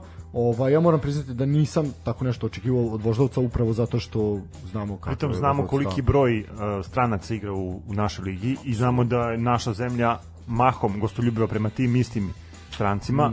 Ne samo to, mi smo prošle sezone imali Obu Obi Rašida koji je igrao kod nas, dakle, znači mi smo klub koji je apsolutno, Ne, su apsolutno svi dobrodošli i zašto bismo mi, zašto bi sad neki navijači uticali na to da sutra možda neki igrač Uh, Ne želi ne da želi dođe, da dođe, tako je, a mi to ne pa da. želimo zato što prosto nama je klub iznad svega, klub iznad pojedinca. Mislim, mi stalno pričamo uh, i pričamo i generalno je to tako, niko nije nezamenljiv da se da se razumemo i kada pričamo o igračima zato e, mi je jako drago što sam prisustvovala nekim situacijama u klubu gde ti vidiš da menadžment kluba je spreman da se žrtvuje nekog igrača koji je jako dobar i jako važan samo zato što nema taj osnovni kodeks ponašanja koji narušava atmosferu koju se ti toliko trudiš da izgradiš. Nema tu, znači, pot, pot, potpisujem izjavu. Apsolutno krvlju potpisujem. Pogotovo kada znamo da postoje neki igrači u nekim klubovima koji misle da su veći od celog kolektiva. I ovo je možda pravi primer kako treba da se postupa sa A ne, takvim mora se igračima. postaviti odmah odmah u startu da se zna ko, je, ko, ko šta radi i ko gde radi. Mi trenutno, na primjer, razvijamo pravilnik e, o ponašanju igrača na društvenim mrežama. Oho, to je koji će takođe uticati na, e, kao što imamo bonus, imamo i kazne. E, kao što imaju kazne za, ne znam, crvene kartone, ekcese, e, skandala ako do njih dođe, tako će imati i za svoje javne nastupe e, ist, na isti način, zato što ne možemo da dozvolimo da jedan pojedinac negativno utiče na e, čitav klub i na imidž koji se svi toliko trudimo da, Hoće da biti kazna da ovaj, im se oduzima telefon kao malom detetu ili će ovaj biti ono kao safe browser, vi će mu, ne možeš znaš da gledaš osetljiv Moja koleginica ja volimo da kažemo jednu stvar, kad tako neko dođe, uđe u polemiku sa nama, mi kažemo, ste vi svesni možemo da vam upropastimo karijeru za pet minuta. Znači, pre, ono, pre, dozovite se pameti, izbrisat ćemo vas sa mape postojanja svetskog futbola. ja, gasi sve, ajmo kući, idem da se pokrijem preko glave, dosta mi neće. Ako ništa drugo imamo kontekst sa transfer marketom, znači ukinut ćemo vas. Ne, ovo su ozbiljne optužbe. Sam a ja sam bio kao spreman da se malo posprdam sa njom, ne. Ovo se, ovo su viče fazoni, nestali su, dobro. ovaj, da, ti si jako, jako divan jedan gost i mi se radimo da ćemo te ponovo gostiti. Ne, bilo nam je jako prijatno, to što sam sa znoji crveni, to je zašto visok pritisak, ovaj, to nema veze sa tim. Ne, ovaj, ne, zaista, ali to je, to je primer, sad šal na stranu, ovaj, to je primer kako treba, jel, Ma, Niko prvo- nije iznad kluba i ljudi moraju toga da budu Ali mi svesni. moramo da budemo svesni da mi živimo, e, nažalost, u državi gde je e, nacija, e, da kažemo, IT nepismena. Znači, ko, nepismena za korišćenje društvenih mreža na pravi ispravan način. Ali to je onda naša odgovornost, svi koji radimo je- u klubovima na tim pozicijama, da prosto moramo da stavimo do znanja Kao što si rekla, kako se svaki je ponaša. Znači, reprezent radimo, kluba. Ja radimo mislim da to edukaciju. mora da bude usmereno ka svim selekcijama, čak, čak Ne od najranijeg, od Tako je, najranijeg naravno, doba. Znači, pa naravno. vidi sad, deca prvo uzimaju, nažalost, prvo uzimaju telefon i tablet u ruke pa loptu.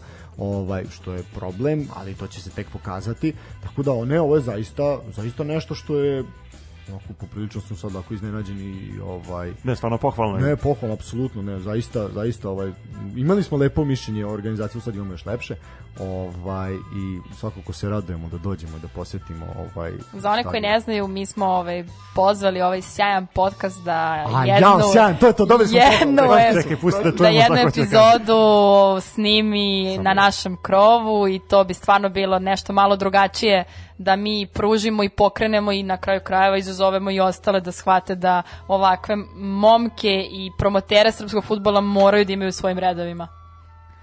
Pa hvala ti na ovako lepim rečima. Mi Ja se- mislim da je to to. Mislim da je mi se nadamo da ćemo uspeti da, da to organizujemo. Ne, Između ostalog, to bi bio veliki se, test za Iako nas. smo lenji vojvođani, ali ćemo se potruditi. Pa da, ja, ja- on je lenji srbijanac. Ja što sam- zaista postoje stadioni koji mogu da vam pruže tehničku podršku i tu, tu nema greške. Ovaj, pa ne, okej, svakako, svakako da mi se mi radujemo tome, mi ovaj, od momenta kad je taj tvoj poziv usledio pre par dana, mi smo ono dumali, što bi rekli braća Rusi, jao, kako ćemo mi to, znaš, i onda je bilo kao, ma možemo to, jao, špicu Beogradu, ne, on kao, ajde dođemo, čekaj, možemo li radni dan kad Beograđani odu kućama, znaš, ono kad odu u Moštanicu, kao, da, onda ćemo doći, možemo mi to, kao, nije, gde se to nalazi, jao, tržni centar Voždovac, jao, tamo je gužva, gde ćemo parkirati, da parkiramo Ne, na ušću, ja- pa ja sam- idemo autobusom ja. Ja sam samo razmišljao ako, ako povedemo Tozu, Toza ode u shopping šta je problem centar, sa- mi odemo smo gore liftom. Problem je što je Toza će pojesti i popiti sve živo. Ovaj, E, jedan od naših sponzora je KFC, tako da mi ćemo Tozi do, dovesti Raskinut će hranu. ugovor sa vama, raskinut će ugovor. mi ćemo Tozi dovesti hranu. U Ovaj, jednoj da. emisiji je čovek bez preterivanja pojeo pola moje rođendanske torte, e, 17 mančmelo. Ne, 17 mančmelo je pojeo za moj rođendan. To je za tvoj rođendan. A za moje po, pojeo pola rođendanske torte plus neke kolače koje sam ja donao koji su bili izuzetno isto ovaj, energetski jaki. Popio četiri piva, tri viskija i još zalio vodom i preživao emisiju nekako, ova, a nije dobio ni diabetes. Ne, ja, ja sad kad smo, kad smo kod Toze moram da pitam tebe, da li imate maskotu? Pošto eto iznajmljamo našu... Imamo, imamo maskotu, ali, ali možemo da imamo dve. Nije nikakav problem. E, pa hvala vam na tome, to sam htio da čujem taj odgovor. A u sve to zare kako ti radi o glavi, ju, ju, ju, ju, ovo sve da znaš. A ne prvo, a meni su Jel se on toliko uplašio mene pa nije došao danas ili Ne, šta u on pitanju? jadnik radi kao najgori robi crnac. Ovaj, e sad malo rasizma iz naše strane, ovaj, ne, zaista ovaj, pada pod, pod čizmom trulog kapitalizma, ali neka, trenutno je 41. u šumije, izaći će pobednički na tenkovima, Ovaj, ja mislim da je to to, smo sve rekli da smo otišli u offside debelo što se tiče vremena, ali eto ljudi Ali eto imali smo osobu koja zna šta je offside i zna kako treba da... I zna da nabroji 11 igrača jedne ekipe, a da to nije Barcelona ili Real, što je za žensko I moram ti kažem da sam poprilično srećan da nismo dobili karton, odnosno kartone i da nismo isključeni iz Pa igre. vidi, bar ja ovaj mislim put. da bi ih dobili, ali ajde, sad nije ponevo, znaš, ali inače, može ku rukometom, dva Dosta što sam uletela klizeći. Toliko od mene. I to sa obe noge. ovaj, ne, E pa Ružo, hvala ti na, na gostovanju. Nadamo se da ćeš imati prilike još neki put da tako je, da. svojim prisustvom uveličaš ovaj naš podcast. A mi samo da kažemo, da sad i ja s moje strane zaista se zahvalim, bilo je jako divno ovaj, razgovarati sa tobom i da, nadam se što kaže Stefan da ćemo se ponovo družiti.